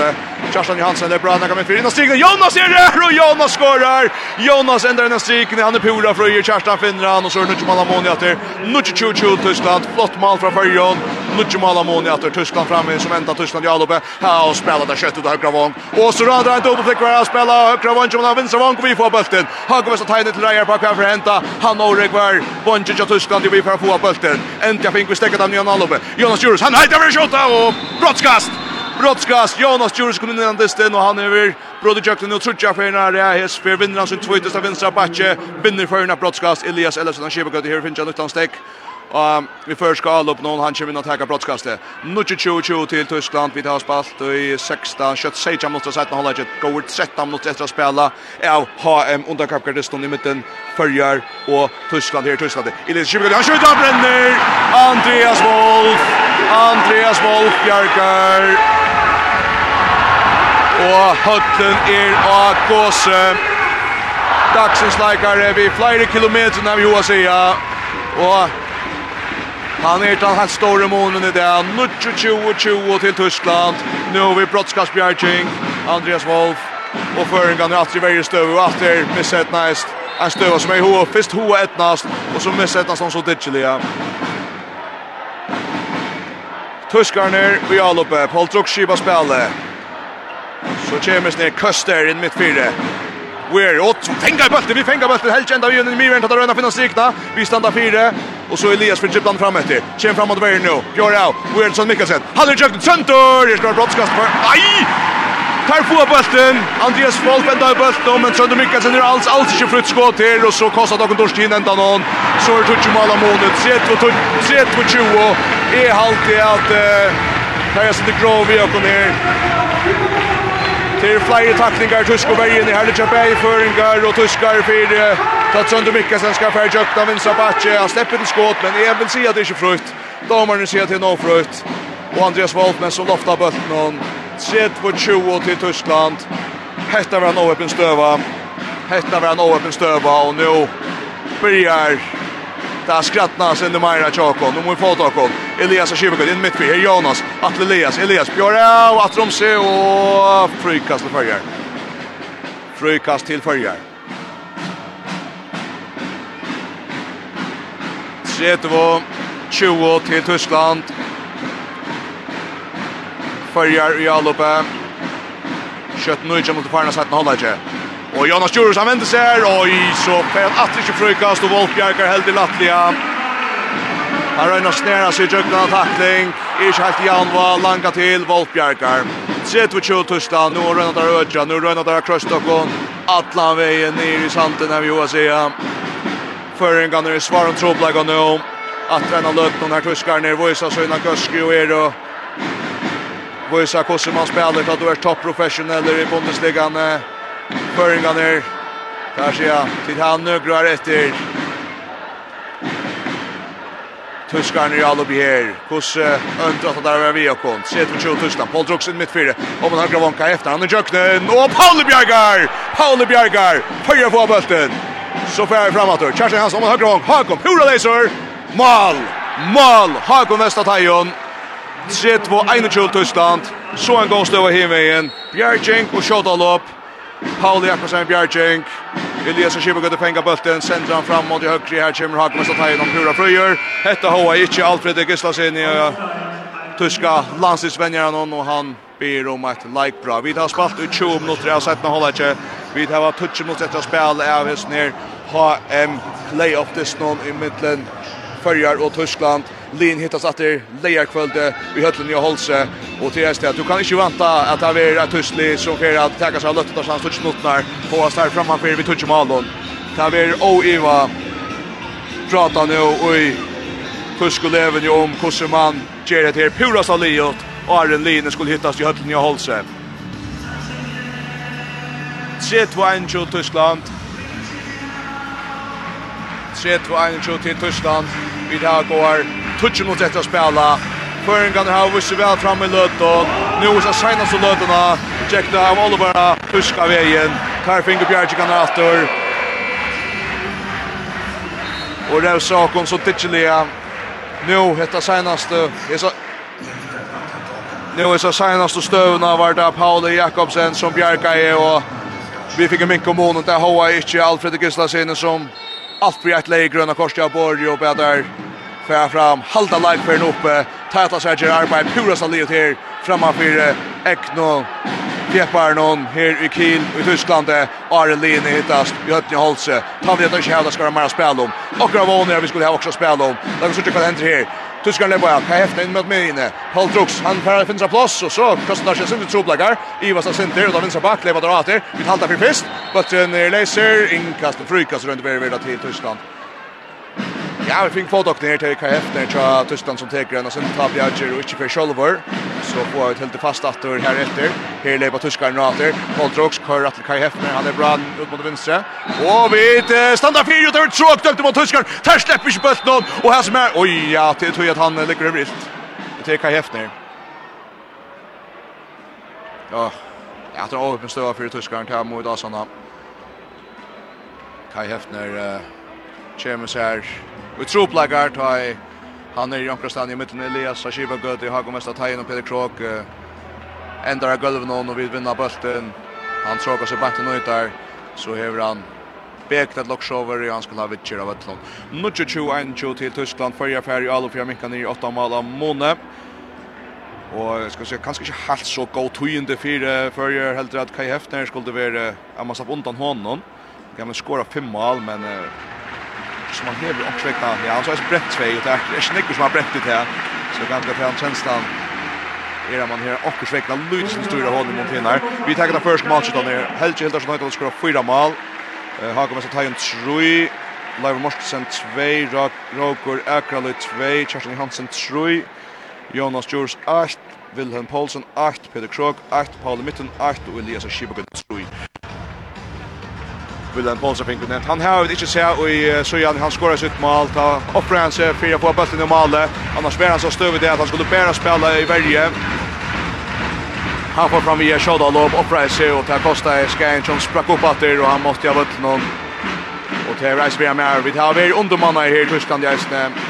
Ongen Tyson Rasmussen och så står han fast Ongen Willem Paulsen. Här löper Sander Mikkelsen ut av vinstra vångt. Leiver, Jökning Leivorsen! Och man fyra. Och man fyra. Han røyner lätta bulten om man för högt till Andreas Wolf till Etnason som så äste men bulten press om man för Malle. 3-2-1-2 till Tyskland och följer med sluta en annan affär av Mölaga. Stor rivskrift där runt till så 1 nu tråk.fo så vart där följer högt och Mölaga i stället och tar mot av Oliver Asan har vi har haft. Här bara kanske inte tidigt att där. Hade vi tidigt att nudga alltså det är bort dit. Så är det Peter till. Här nu mål målet sett var 21 och Peter Krok hade framme så nu framöver varje det packar på Drogsamma mitt fyra Frukas Tyskland. 8 minuter efter av hålla inte. Sett var 21 Tyskland. Paul Drogs det bra mitt fyra. Vi är ju det högra backen och Jack där skora. Där skora. Av högra backen vi Gibril Benke. 31-21, tutsi mål av Moni aftur, 8 minutter etter å spela. 8 minutter etter å spela. Føyer det på aftur, 6 månader, Elias og Kjibbe gøtter mitt fyrir, høyre bakke Peter Krog, og vinstre bakke Sønder Mikkelsen. Så kommer han over Rik, Kjibbe hakker mest av teien i mitt fyrir. Elias fyrir, hvor er Peter Peder på kjota! Bant i Andreas Wolf! Og så er måler ikke, Vera vil revsa her. Tidsdag så, Palle Bjørgar, brottskast! Nei! Og utvisning til Helga. Helge Andersen Høyta sier at han skulle ikke gjørst det står her. Bonkren tja Bonkren tja Tyskland, ja han uh, detter harsht, senere fødratter. Nu er han framme jo i kjøttalåp någon till Lukas Merstens. Ja, jeg synes det samma stövan jeg vet inte ända i vi att uh, ta vår Algeria, ta var det just Lukas Merstens som spalte av vinstra vondkjan stöv här för en her ner, vi löt dem spalt i helt upp i tyskarna men Nu kan då fram skratten Olvera. Marcel Schiller tar av satta sin brottskast. Han skjuter fram i Esbjerg. Han skjuter fram i Esbjerg. Paul Jakobsen sanna bøtten upp att han för målet. Föringarna är med över runt detaljator. Tjej minutter etter att spela. Tutsi mala måne. Roker akkurat kommer in. Prata lukka vi Elias og Kibakot i mitt Så sier Elias hva for henta. Nick mot vinstret. Sönder sitter tempo i en mittfyr. Her Elias, Hvor er Peter, Peter Krog. Røyner Röjner seg sig han. Frøykast. Så Elias att i mittfyr. Gör det. er Sönd. Sönder. Lysen plass. Åtta skyne. Han fer male. Han fer han i male. Spinner et Evers skal til plass i mittland. Andreas Wolf og Ståndsna. Og så er det ikke malamoni att hör. Följer Minka ner i 31-22. 31-22. 2 och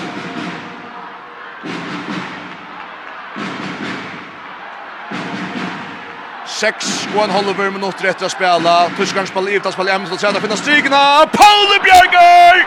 Paul Jakobsen vi rymmar Björger mot Fröjer sex spelare. Bara Janne Kolbackar som har kommit pura Fröj i hela strykna. Paul Jakobsen vi rymmar Björger. Ein og tredje på tvei og tjo til Tyskland. Seks minutter etter å spille. Og fyrir takka Like bra. Ja, man där senast sen där. Inte helt vis rött om vi tappar. 31-22, ein god løta til fyrir nu, nu får jeg bjergjegar, vi får noen bøltar som kanskje ikke burde fyrir mal inn i malet, Trønder Mikkelsen, vi ser det gode malet, altså, halte Andreas Wolf hugsa bara han fyrir alt í lúna skjóta tattar stong her og Trøndur ger just her og så finner han plass i middelen Wolf og tattar stongna 1-3-2 Tyskland. Följer här Mikko Månen, Anna Lötjo. Halt tog sig vid här någon linje på timeouten. Han tar bäst till vänstre. Eller så ni med. Är du med? Ja. Det är det vi tog. Okej. Han går fast i bollen. Prøv se, det er 39 sekunder. Vi har god tid. Tror du har med fem venstre. Nu kommer BSV bagefter. Det er godt. Træk nu den tid, Tony. Prøv efter. Tror du har stadig bringer minus situationer på den bak herovre. Hvad har med de vil? Han også. Eller ind nummer 3. Hold lige efter seks gode minutter, så er der en håndboldkamp. Ja. Kom nu, Kom nu, kom her, kom her. Sex gode minutter, så har vi då det håndbollsestator. Så la jag säga Peter Bresa Flarsen och i Heson. Senast av Leibbrannen, Traførjen och i det. Förjar, att det blir Atta Frivi Average Elridge Hever, helt gott. Vi tar vi åhøpner i skålstøvån, vi rälsar digitalt fyrt, her mister ikke vi da görst. Finna vi sex gode minutter här så har vi också fäktas om. Allt kan hända. Elias Schibberg han finner plats i Otarsjön, han blir helt fast. Frykast bäst. Frykast bäst. Gibrilen bänke fär helt fast i Elias Schibberg. Vi där finner Paula Jakobsen igång till Malmö nu vid två gång Bjergengång. Elias Schibberg han har leit Atlantis det så nästa det Jökten Brodon. Kom till han från Jokra Timon så hade vi steg bättre fyra. 1 och 3 och 2 till Tyskland. Följar och Jalobe. Elias och Tons på samma. Sander Mikkelsen, en annan fer. In till Elias Atri. Elias, plus underskott! Han fyr målet! Han står ju bulten i mål. Långsväckna driver bulten upp i mål. Och det var John Brett Kose var yrkande kväll. Men så har vi Mikko Minko Mona i nya en. Så det tror ju. Åtta mål av Mona. Och då pratar här Tjota. Oj, där får han Alimadi. Oj, Jesus, där får han Alimadi. Kan man prata katten här fyr. Och det kostar, och det kostar. Peter Krok har vunnit i två minuter. Lukas Witske. Det er ganske tann som er den største tropplager i fyrre holdet, ja. Fredrik bjør er her. Vi får Orek Van Neka. Han slipper korsene til et skåd som jeg omkorsvekna for han. Slipper bølten vel inn og bølten støkker fram i Paula Jakobsen i Malmøn. Og det er sin tann som er veldig. Kvarja fyrir vidda hoa sier. Nå har vi et kallt jokkron her. Så får vi den vatan vøtt i anlitt av tysk og håndballsmaskinen her.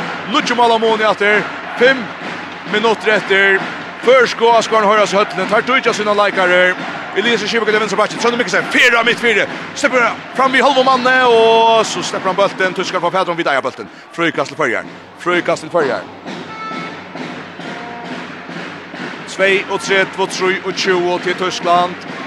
Førjer i Alope. Elias Kivik til midt fire, Bjørn Sindra, Kross Altsson Mikkelsen. Undraskått og i bakt i Andreas Wolf. Wolf i mål. Och Hakon Besson tar ju fänga bollen och sedan spelar till. Vi ska vi kött i alla vi spelar 5 mot 5. Det kan ju Hakon. Han frattar väl Hakon mål. 2-3-2-4-2.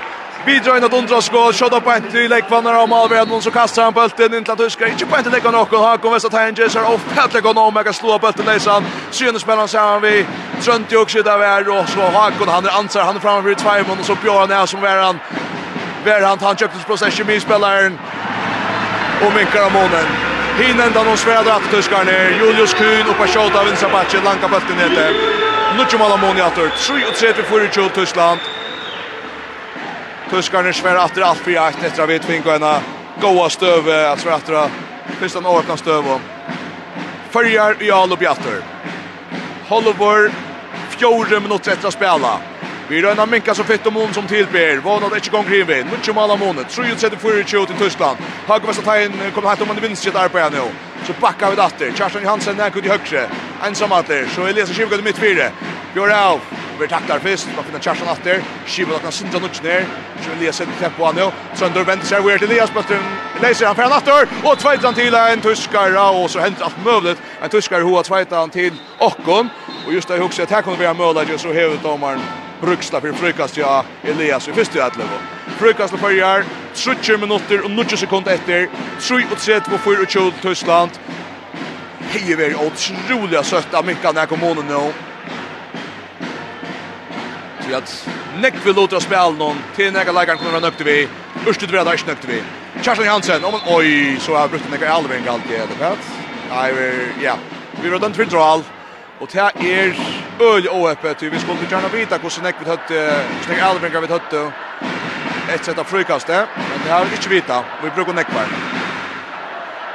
Troi og tredje for Kjell Tyskland og i stedet for jeg vet Mikael i åtta kan Tyskland med Ötch oppa til tutsi mål. Shea og Chu minutter og Chu kom där och satt på hålla inte. Goer holder på sig minutter etter, Tyskland i alle betjeng, Bengo på shot up. Paul Bjerg i fotbollen. Paul Jakobsen i gatter. Och så färra föringarna fram om med in alltid. Hansen, tempo in mittfyr. Og vinner Bashi. Elias langa til, åtta mål av Måne. Elias i Kivegøte langa til, minkar av Månen til 3-35-20. Släpper till Rennes Godja, av vinner Bashi. Kjærsen Hansen sätter tempo mittfyr. Kipa etter spelet. Sätter Elias gärna goa stöv i han. De har väl så Rennes Godja. Och där synker ner till att han med Andreas Wolf. Andreas Wolf. Man ska köpa efter prat om sig. Och tar vi här Alfred Gustafsson. Helt inte nökte vi. Timeout av Nudjon. Turstan Høby om like bra. Vi tar varit två minutter og nu ska etter efter spela här åtta mål av Mone och må så säga Onkelsten här kommer vi sätta kylan. Varvar vi varvar vi mån under 8 så får det vara godkjent. Så har vi resten kommer väl här det. Öcher Tyskland så blir det öppet. Elias kom upp på fem mål nu.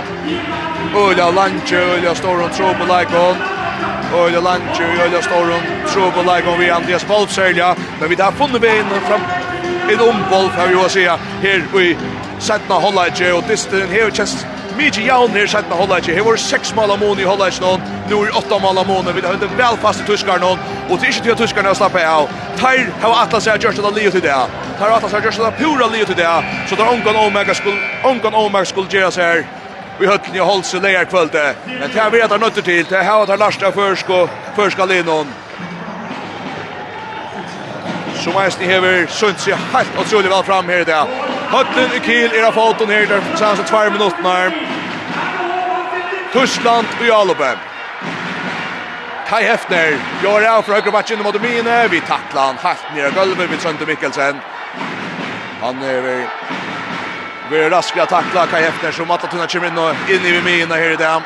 Holvor annar med något 32-25 till Tyskland, Tyskland i Alobi, Elias är fram igen för Mattveier så lever dra. När vi högra backen kommer skott. Oj, det har gått skott alltså. Grattis Luka Vitske. Otroliga kvöster i skottet til honom. Inte den bästa skottet skulle man tro. Han kör flickvan i Avins helt ut i mål i högre. Han är högre händer men så drever han bulten så fastliga alla vinn hin ändan i målhoppen nere vi. Goer minutter etter å spela, Førjar spela ved Sheimon i allop nå nå. Kjartan Hansen kommer ner, 4-3-2-25 Tyskland. En minutter etter å spela, Elias og Kiva Gøtte, Kiva spela. Så det høyre Kjartan, så lever Elias og hvor er Kjartan, Kjartan, Elias har plassen, nei! Har vi den for tråk. Här är ett Eva ska ut i hål men tyskar ner mot mest som har sett honom av Fettlo här. Han lever bakt och gärna. Og tyskerne kommer nå och opp at vi så tutsi mal i måned. Ja. Deutschland, Deutschland drunkar i hötlen i her. Annars är först Askorner. Joma väl i hötlen. Och en dyst i här. Vi hade tro på att vi malvärn Tyskland först och främst. Kava Månren. Vi har spalt öle väl löt hon och nu får få bollen att vi kunde minka att det ner i ös 8 målne. Tar spela och så ja, jag vill säga nonchalant. Och man har vinstra vång där här plåsen mot vinstra backe. Och så är det Tyres som har dömt för ett tråd. Där vinstra backen lever in i Jokra Averjo. Tutsi sekunder etter, Elias og Kjerstan spiller sammen, Elias og skal bare shot her, det gjør han, nei, hvor er Kjerstan, Kjerstan til Elias, Elias per bit fire, ligger mot Søndvik, og så han jøkt inn, mål! Åtta mål av Moni, etter hver enda Elias Døvan, 4-3-26, enda da, Tursdag vinner vi åtta mål, et Samfrøyde tøkst avrik, men i långt löt løtun ett gott förrest avrik. Særlig her i setten avleidje, helt vidt åtsynlig fast i tyskaren Vi har funnet bjergjegan til endans, vi har funnet mølegan til endans, vi har funnet plåser fram i Andreas Wolf i tyska malen til endans. Jeg må så sija, under omstøvnen, helt vel nøkte vi henda setten av avleidjen. 34-26, struss kom til å ikke sette en finger og 8 mål åtta mans vi mot Tyskland i Kiel. Ta måste vara nästa med runt mäxlukt och värja en ta. Förjar skulle henta åtta mål in och i hötten i Holse. Gäller til, så er det HM. Ta er målet nu. Vinner vi åtta och i förjon mot Tyskland så er det vi som spelar HM. 4-6-21 altså här till Tyskland och jeg noen någon stor och stor och det är störst i førskar i håndball, så vi har vi hoa säga. Karman är vår røyler og average var helt gott. Allt kör runt där mot Gera sutt. Er det enda. en rikka bjärskon i förra hållet har vi kommet att gå av möjliga Georgia och Trond Usta. Nu får föringen fram Og fakta försk Asgarnen som är sprätter och driver alla høttene. Säger at han fyra mål som följer vart och her. där sans och løttene Här sida det flest då och fitt av förskon flöckon. Det är så just om alla hötterna tar och Asgarnen. Detta var er størst kvöld i førskar i håndballsøvå. Og Øvrige har gått. Her rakk ikke til å komme tatt en åtta i måte Tusk og Heimskjøtt noen. Nummer 6 og i Råbomesterhet noen. Just underfarna nå i januar. Men nå er setningen greier. Vi vinner. Vi minimum åtta mal i Høtning og Holse så får vi till HM 2023. Vi tackar för så för den skunda med Roma. Vi kan få fälla några likar och det tas för hända att någon nu tar vi den stäcker resten här likar ju så verande så för stora tyska köttman vi ska helt se han säger bättre linje han här eh så fem sätter sig när han är att han distet Patrick Winczek är vara hejda över här för ett cykla tärnas av tyska landslaget han är tackar för sig där Lishi var här i neck neck parents har och så För jag lyckas slutja här sitt affetla herra. Och tacka för fyrst för en otroliga gåan och avvärdan håndbostist ein tann helt seriøst vi har sagt fra her og FM Martin Munar tog ut og förråd vi blir efter så vi lägger samråd vånande om en løtt og takk for fyrst fisket